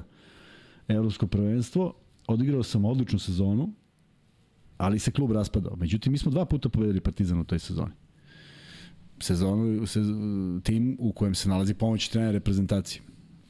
I imao sam pitanje, da li sam zaboravio da igram i zašto nisam bio na nekom tom ponovo. Znaš da ono može napraviš spisak koji god hoćeš i onako se i nisam dobio odgovor, ali sam znao da to da da pitanje kako bi to sve ovaj prošlo i nikad nisam shvatio zašto nisam, ali nije ni bilo mnogo važno zato što sam u tom trenutku imao ipak ovaj 26 godina i nije bilo uobičajeno da sad dođe tu neki od 26 godina i bude debitant. Mislim da je Milenko uspeo da bude neko ko je najstariji, jedan od najstarijih debitanata pre ovoga svega što se dešavalo sa prozorima.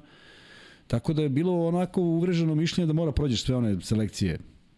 Ja sam znao da tu nemam šanse, zato se taj poziv pojavljuje jednom u milion slučajeva i eto, nisam ga iskoristio zbog preloma i što je najgore, nismo dobili utakmicu, a ubeđen sam da bismo tu četvrtu pobedili. Zaista sam bio, bili smo svi spremni i da, da, da uradimo sve što je potrebno i u, takvom odnosu snaga smo imali šut za pobedu, što već dovoljno govori da smo bili poprilično kvalitetna ekipa. Onda dolazi taj poraz od Verone, ali i prva titula i možda najdrža titula s obzirom da ovaj, je, sam je ostvario sa Zvezdom, za koju sam negde sanjao da igram u futbolskom klubu, pa eto došao do košarkaškog, ali to je trajalo toliko kratko da smo već imali nagove što je da nas menjaju. I onda nisam imao čak ni vremena da uživam u svemu tome. Uh, mislio sam da je Zvezdin gubitak veći nego moj, što se ispostavilo, odlazim u jednu sredinu gde mi je bilo fenomenalno, to govorimo o Beo Banci, da sam se preporodio i vratio u život. Znaš, malo glupo deluje da ja sad pričam nešto o svojoj statistici koja je bila uh, 14 poena i 6 skokova i 6 asistencija i 3 skoka u onom periodu kad je Beo Banka davala 60 poena prosečno. Dakle, stvarno sam se vratio u, u ono moje. E onda dolazi još veći izazov, budućnost. Uh, i, i, i činjenica da igraš sa najboljim igračima u zemlji. E, da, sa najboljim igračima u zemlji. Prosto ne znam koga bi još ubacio u tu konkurenciju, a da, a da je bio prisutan. Tako da je to bio jedan moćan tim u kojem uživaš e, u svemu što radiš, nađeš svoje mesto kao što sam ja našao i uh, nisam dozvolio da, da padnem i da mnogo razmišljam o tim nekim stvarima koje su mogle da promene karijeru. Znaš šta bi se desilo sad nad pobedom nad Francanikosom? Pa ušli bismo u to četvrt finale, mi smo igrali u smilu finala, u četvrt finale bi ušli. I pitanje je da li bi tu već bili konkurentni, da li bi mogli da, da, da, da ostvarimo nešto više. Ali da, možda bi neko to zapazio, možda bi neko to primetio, ali vidi, to me pratilo od početka karijere. Ja sam verovatno jedan od najređih slučajeva nije da se uopšte bilo šta hvalim, nikad ne volim da nešto pričam pretrano o sebi, ali ovo je neki podatak koji je nek mi neko kaže da je to moguće danas da se desi. Ja sam u toj finalnoj utakmici na prvenstvu Srbije protiv Kraljeva 89. godine imao 42 poena bez promašaja. Sve je bilo desni ulaz, slobodno bacanje i jedna trojka, toga se dobro sećam. Niko nije napisao jednu reč, obratio pažnju, niko mi nije pozvao, niko nije čuo da, da postoji neki. Zamisli danas neko da 42 poena na tom nivou ipak nekog prvenstva, pa to je bilo već po, po, po svim društvenim mrežama. Prosto bio sam iznenađenje i za, za ljude iz košarke. I onda oni to čuju i kažu, ma da, to neki. I verovatno sam se tako i prolazio, znaš. Sve dok nije došao Muta Nikolić i rekao, ja sam tebe gledao, a ja ga pitao gde. Jer, jer mi nije bilo jasno da on to mene video, pošto je jako težak put kroz OKH Beograd bio. Nije to ekipa koja stvori igrača da bi, da bi ga promovisala, nego jednostavno da to je bila ekipa da ti tu si i dobro je da ostaneš tu i svi su srećni ako si tu, ali nemoj sad nešto napreduješ, sad neko te zove, to bi bilo baš bez veze kvariš koncepciju. Ako tu si i svi su srećni. Tako da je bilo mnogo lepših stvari nego što su te tri ovaj, koje su se desile.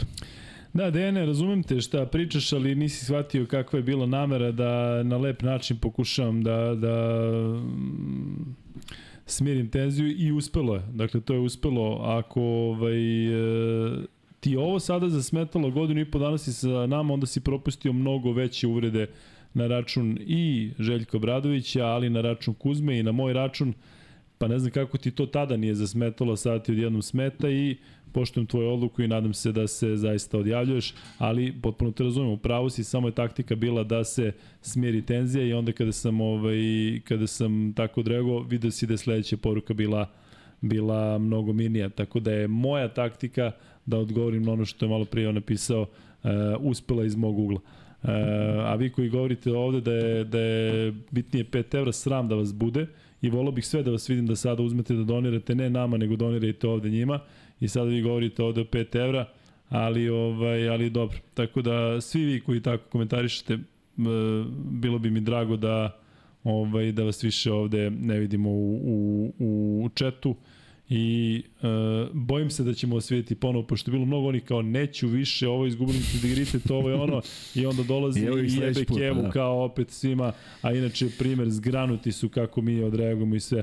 Ali stavite se malo samo u poziciju kako biste vi recimo odreagovali na ovo. Pritom nismo mi ti koji banujemo, nismo mi ti koji, koji radimo neke stvari. Ovde je Željko Bradović bio mnogo, mnogo teže e, i mnogo gore vređan, kada je bio predsednik Partizana, najgore moguće stvari se, se pisale, pa tada se niste oglašavali, nego ste ostali i dalje, pa te sad ovo zasmetalo, pa se odjavljaš. E, srećen put i žibio.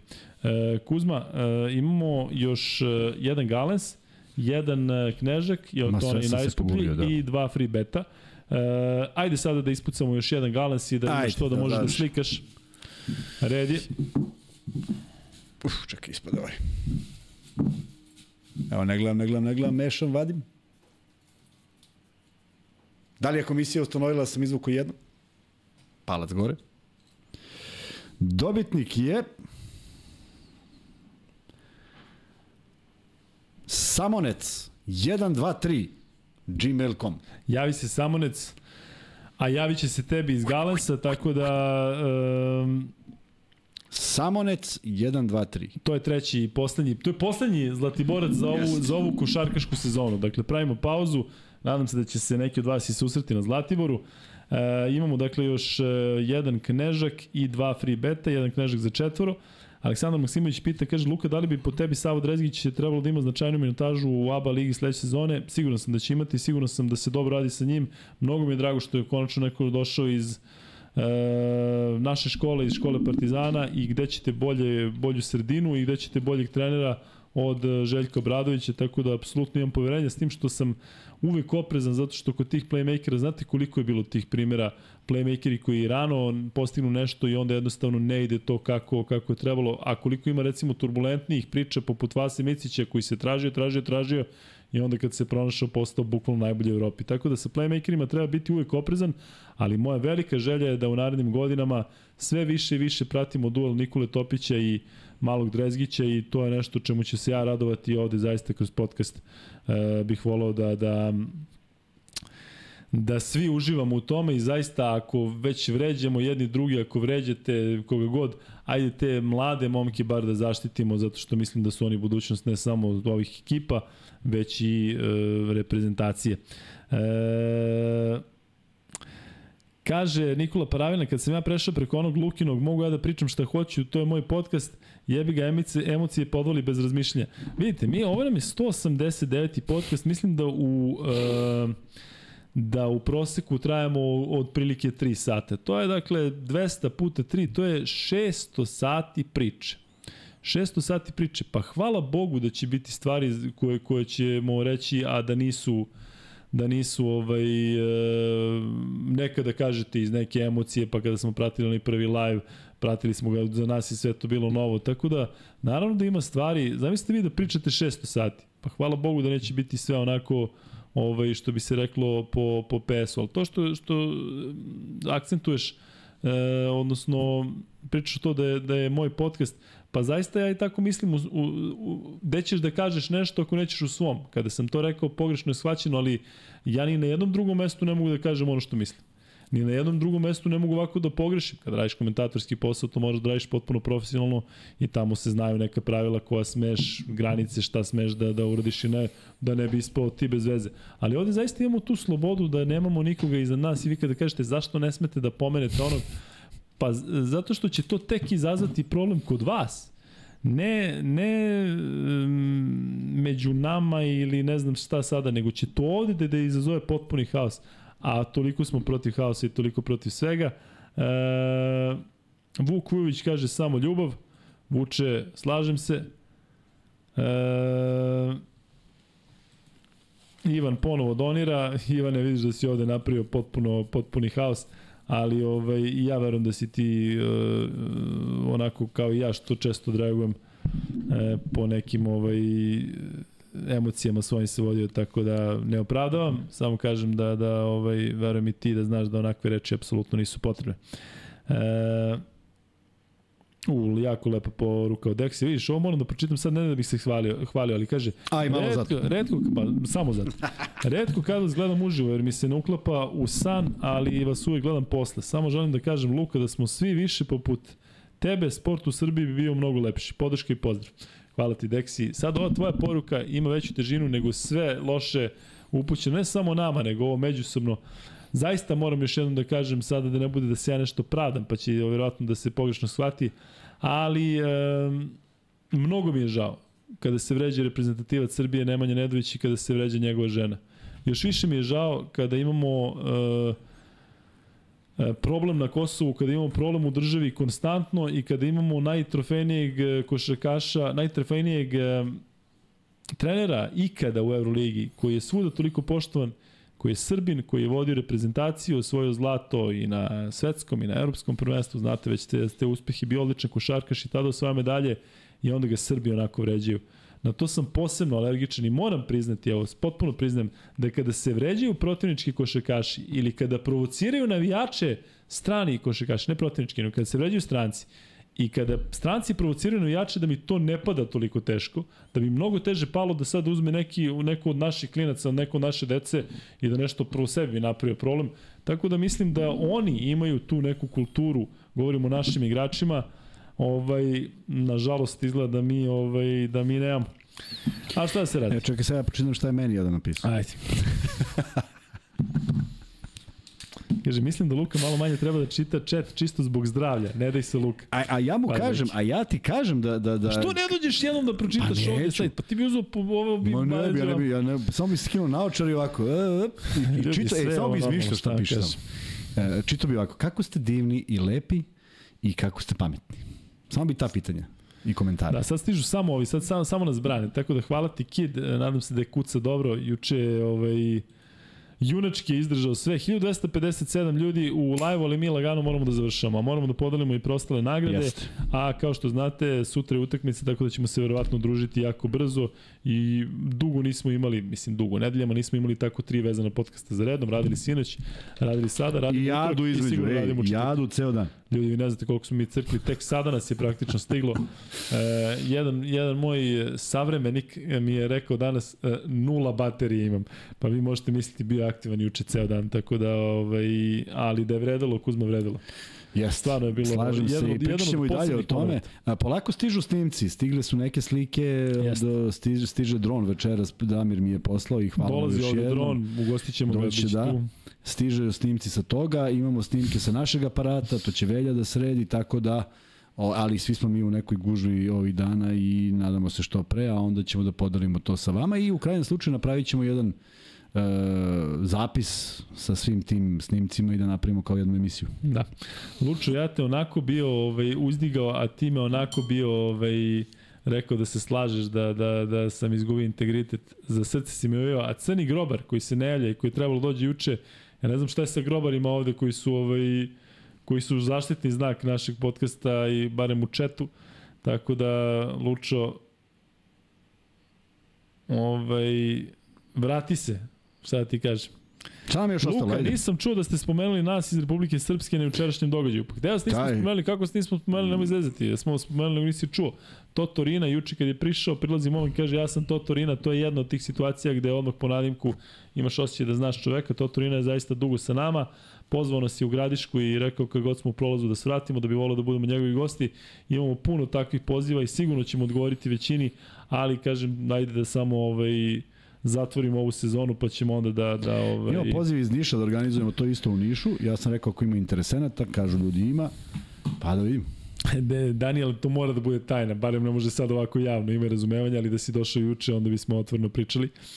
E, hoću da pređemo na sledeći... Ništa je ovo što pričam, a? Ma, kako? Ne. Šta si rekao? Ništa.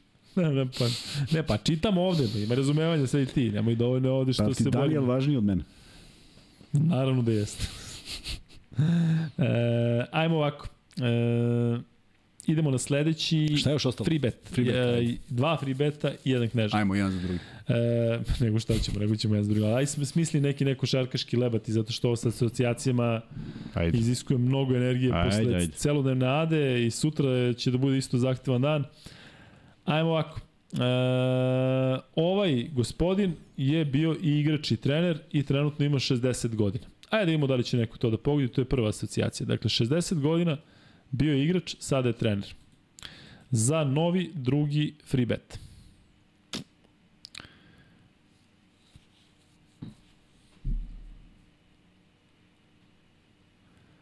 Puno pozdrava i za tebe, Totorina. No, da li imaš taj nadimak, da, da li su ti taj nadimak dali, ne daj Bože, zato što podsjećaš na onog. Ja, vidite kako se Ivan Ivanović sada stabilizovao. Luka pita i Kuzmu da li veruje da sad da Zvezda može da pobedi jer je posle 0-2 rekao da nije ni blizu tome. Veruje, evo odgovaram ja. Nije Duško Ivanović, nije Luka Pavićević, nije Darko Rus. Ja Rusu bio košarkaš Kuzma? Jeste. Čan, Zdovc, Seo Bukva, Seo Bukva, legendarni. Čanak, Žoc, Duško Ivanović, Čanak Nenad nije, da ćete Čanku 60 godina. Tibodo nije, Perasović nije, Džikić nije. Džikić nije, Obradović nije, ne znam ni da je Džile bio košarkaš. Laso, Howard, mislim, govorim sad o nekim karijerama, ovo su baš... Šta je bilo? E, koji trener je i sad ima 60 godina bio igrač i košarkaš, što je prva asocijacija. Greg Popović, Jurica Golomac nije. Ajmo ovako, bio je trener Nebojši Bogavcu i jednog igrača mu je čak poslao da igra ovaj, dole u Crnoj Gori. Sada sam već otkrio dosta oni koji znaju. Ima jako dobar, ima i dalje jako dobar uh, uh, odnos sa Nebojšom Bogavcem. Nadam se da ga se svi dobro sećate. Njegovog šuta pre svega Kuzma. Dobra ruka bila. Ja ne znam kome priča. Ali ima odličan šut. To se sećam. Trifunović, Jaca, Trica, Van Gandhi, Larry Brown, Perasović nije, Nebojša Čović nije, Struja nije, Đorđević nije. Koji Đorđević? Malone nije. Pa gde je Malone trenirao Bugavca? Gde je Radonjić trenirao Bugavca? Zvezdan Mitrović nije. Sledeća asocijacija strani je trener. Pošto vidim da ovde govorite samo, odnosno pogađate domaći trener. Zvezdan Mitrović, Mihajlo Pavićić, Lukajić. Još jednom kažem, kada kažem strani trener, ne mislim da je iz regiona. Dobro, onda Vuki u buduće. Barajić, Lukajić nije. Nije domaći. E, sada moram već da otkrijem uh, onako prilično. Dugo je bio trener reprezentacije Francuske. I sad svi u zabeze. Evo ga, Nikola Beljkaš, Vincent Kule, Nikola Beljkaš, legendo, pa ti znaš sve. Inače, Anica nas je juče pitala da li planiramo, Kuzma dobro slušaj, Anica Beljkaš nas je pitala da li planiramo da sličan događaj kakav smo održali ovde, održimo u Crnoj Gori. Da li misliš da je to izvoljivo? Mislim da bi Ultra stala iza toga i da bi došlo dosta ljudi. I kako misliš da bi to izgledalo? A? Da, ali u Andrijevici ćemo da pravimo. Andrijevici? Dobro, Kuzma se okreće na šalju, Hoćemo, a dole ljudi nećemo. gledaju i pitaju da li ćemo što nećemo. Na žabljaku ćemo da pravimo, ima teren tamo. Ima i hal. Hoće Gašu da nam tu sve da obezbedi. Sve će da obezbedi. Eto. Ljudi, tamo ljudi sve U Crnoj Gori Imate ćemo praviti obezbedi. sličan događaj. Tako, tako da i pozivamo sve iz regiona da se spuste tada, tako da bi moralo, moralo bi da bude neki ovaj, letnji mesec, da ima smisla. Kuzma, jesi mislio neko šakiški uh, yes. free bet? Yes. Neko šakiški free bet. Neko šakiški, neko šakiško pitanje za uh, hoćeš Knežak 4 ili Knežak 4. Knežak 4, Kuzma pita Film je u pitanju. Šarkaški. Film je u pitanju. I ko prvi odgovori, dakle vraćamo se na ono, dakle isto kao i sada sa nema asocijacije. Dugo, nismo dugo filmove. Ovo je jedan interesantan film, zato što ga je obeležio jedan interesantan glumac, koji se u filmu zove Tallahassee. O kom se filmu radi? Dakle, glumac koji je obeležio taj film I o kom glumcu? Čekaj, ne možemo i, Ma, film i, film i glumac. Pogode koji je film i koji je glumac. Morate da stavite film i glumac, sad će ovo da traje pola sata. Kad će ovaj da stavi samo film, pa će onda ti ne, šalje, ja Ne, mora, pogodio. film i glumac. Morate da stavite film, film i glumac, a glumac je glumio Talahasija. Jeste. Znači, morate film i glumac naglašao. Jeste. Ovo znaju samo ovi tvoji savremenici. Ma kakvi bre, ovo je film bre koji je bre... Prohujelo svihar. Ej, odlećelo s vetru. Nije Luki lako sa Kuzmom, Kuzma kao nemini mlađi brat. A to sam u stvari ja, Lučo, verujem. Ja sam, ja sam nemini mlađi, mlađi brat. Mlađi od broja. Svima po gavez na žabljaku. Biće Nosferatu, dve čađeve dvocevke. Woody Harrelson, Indiana Jones. Da je odgovorio, ali nije rekao koji film. Ko, ko, ko, šta je odgovorio? Ovo si odgovorio pojedinačno. mora film i ime. Koji je film? Dve čađeve dvocevke. Nije, Nosferatu. nije, Indiana Jones. nije. Da, ti se zezaš ovde već je otišlo previše. ovo. Nije otišlo, nisu dali odgovor. Pročito si ime glumca, ali nije odgovor i film. Nije ime i film. Dobro, evo ja ću sada da čitam sve redom. Pa što Pošto si jedno tako može. Milioni iz blata, mazite se i pazite se. Kad porastem biću Kengur, Nebojša Čović, Zombiland, Zombieland. Zombiland, Woody Harrelson. Eto, ko je rekao Zombieland Woody Harrelson? Pa rekao je Marko Topalović, ko drugi može da odgovori. Eto. Marko Topalović top. Pa onda top dobro. Nije nego ne znam ni ja, pa onda ne znam šta da A čitam. ne znaš, a? Pa. Nisi gledao film? Naravno da nisam gledao. Nisi gledao Woody Harrelson? Ma Woody Harrelsona sam sve filmove gledao sem Zombieland. Zato što kad vidim ono, ono njih četvor kada stoje onako sa onim, Pa genijalni je film. Sa onim-. Ubili Bila Mare. ma bre, ova mala što glumi onom Sunshine, mislim Little Miss Sunshine. Jeste. Da, ne, znam sve, sve znam. Samo ne znam da je to to. Ubili su Bila Mare. Eto, ubili su Bila Marija. Kuzma neće biti, neće biti poslednji neko šarkaški, nego će biti asocijacija, da se vratimo ovaj, ono. Ali možeš li me razumeti kada ne znam ja odgovor, a ljudi odgovaraju? Ali ja ne mogu ti kažem, ne mogu ti kažem uže. E, pa zamisli onda moju poziciju. pa i nije ti Osim neka da pazi, pozicija. čit, da, zajebaj, zajebaj. E, imamo još jednu asocijaciju i to je poslednji Ajmo. Max Bet Free Bet. Pogađajte. Koliko ste dobijali uh, free betove i knežak, javite nam se na lukajkuzma.gmail.com Umeđu vremenu lajkujte, subscribeujte, facebookujte, stalno, stalno me kritikuju kako to ovaj, ne govorim, a trebalo bi više. Kuzma, dok ja smislim novu asocijaciju, ti možeš jedno da pročitaš ko je dobio, dakle, poslednje kolo Zlatibora, ko, trojica koji idu na Zlatibor. Ako su se eventualno sad uključili. Stefan Arsić 0907 već se javio. Nikola Puhalo 32 i Samonec 123. Svi su u pitanju gmail.com. Eto ti. Ćeš pono? Pa mogao bi da ti iskreno kažem. Aj tu asocijaciju pa di idem. Mogli, mogli bi već sada završamo bez asocijacije. E, sada ćemo da pređemo na NBA ligu i to vam je već prva asocijacija. Dakle, ovaj e, bivši košarkaš je studirao na Univerzitetu Alabama. To je prva asocijacija, e, meni je omiljen lik u tom periodu kada je igrao i da vidim da li će možda neko već sada odgovoriti. Dakle, ovo je posljednji treći e, free bet. Ne, ne kažem da je loš Zombieland, samo kažem ne volim te eh, SF, zombi, horor, eh, ovo, ja kad gledam horor, to mora da ono puca. Ovo je bre zabavno do bola. Znam da je komedija, da je u, da je u startu komedija. Ali on je, on je genijalan potpuno. Kao da, je, kao da živi to. Ne glumi. Da. Talahasi. Kaže Momčilo Kostić, vi se sprdate sa ljudima, šta vam je Talahasi, čuj to. Ovo nema veze sa mozgom za vaše pitanje. Nemoj da psuješ Luka. Momčilo, opusti se. U, znaš ko je momčilo? Ono što ja, ti, ja i ti kaže, što ga nerviraš. Ja mislim da je on. Ko me nervira? Ono kad kažeš ja i ti. Aha, Mislim da da da spava. Da, taj, taj ne može da spava. Mislim da je momčilo. Čekaj sad, ovo, za, na ovo pitanje koje sam postavio znam odgovor. Louis Williams nije, Shaq, Brandon Miller nije, Morrison nije, Lamar Odom nije, Steve Francis nije, Sean Mary nije, Meg Grady nije, Robert Smith nije, nije, nije, nije, nije. Marko Lejanica kaže Sprivel. I jeste lateral Sprivel. I Bio Marko. Lejanica bio na Alabami, ali nije bio samo na Alabami, bio još negde. U, nije. Boris 995 je odgovorio prvi. Izvini, Boris 995 je odgovorio prvi.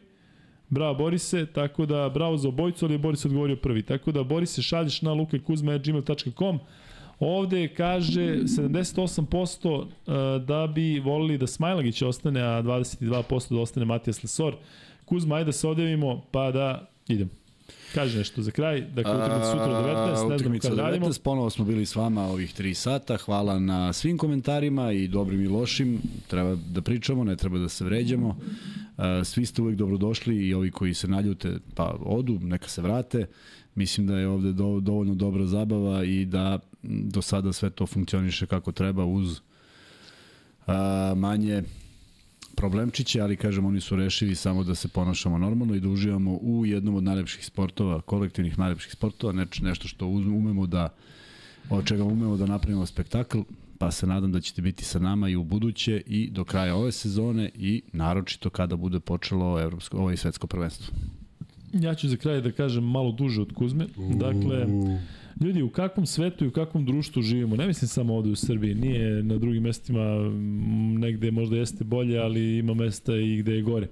Ali u kakvom momentu trenutno živimo, ja stvarno razumem da ima nervoze i zaista ne, ne pokušavam da opravdam one koji su zaista bili bezobrazni, zato što ipak mislim da postoje neke granice, ali sa druge strane zaista i razumem, razumem ovaj, bes ljudi, gnev, E, znamo svi, svi znamo u kakvom smo finansijskom, mentalnom, fizičkom, psihofizičkom stanju, ali opet kažem nema opravdanja za, za zaista one najgore bezobrazluke. Volio bih da se manje vređemo, volio bih da više gledamo sebe, da, da ovaj, mi napredujemo u svakom pogledu, a ne da nekoga spustimo ili da vređemo. Ja i dalje tvrdim e, da ne postoji podela nigde na svetu između, e, kao što je ovo između Partizana i Zvezde. Dakle, znate kada su nastali ti klubovi, kako su nastali, koliko je tu u stvari sličnosti, a koliko su, je u to u stvari zaraćeno. Ako pogledate istorijski među Panathinaikosa i Olimpijakosa, možda ima više argumenta za neki taj njihov rat, Grci su isto blesavi kao i mi, kada govorimo o nekim drugim uh, derbima, nekim drugim uh, ovaj, rivalima, velikim rivalima, ipak su tu učesto i različiti gradovi. A ovde zaista kažem da se toliko međusobno mrzimo i da, da toliko upadamo u neku dramu i da toliko ovaj, e, jedni druge ne poštujemo, ovaj, to mislim da je bez veze. Eto, to bih hteo da kažem za kraj. Sve naravno u, u svetlu ovoga što nas čeka sutra i što nas čeka možda i do četvrtka, ja se nadam ne do četvrtka, ali Partizan vodi 2-1, Zvezda je sutra domaćin, utakmica od 19 časova, mi ne znamo kada ćemo raditi, da li ćemo raditi, ali obavestit ćemo vas blagovremeno. Budite sa nama, u svakom slučaju u 190. podcastu, ovaj je upravo gotovo.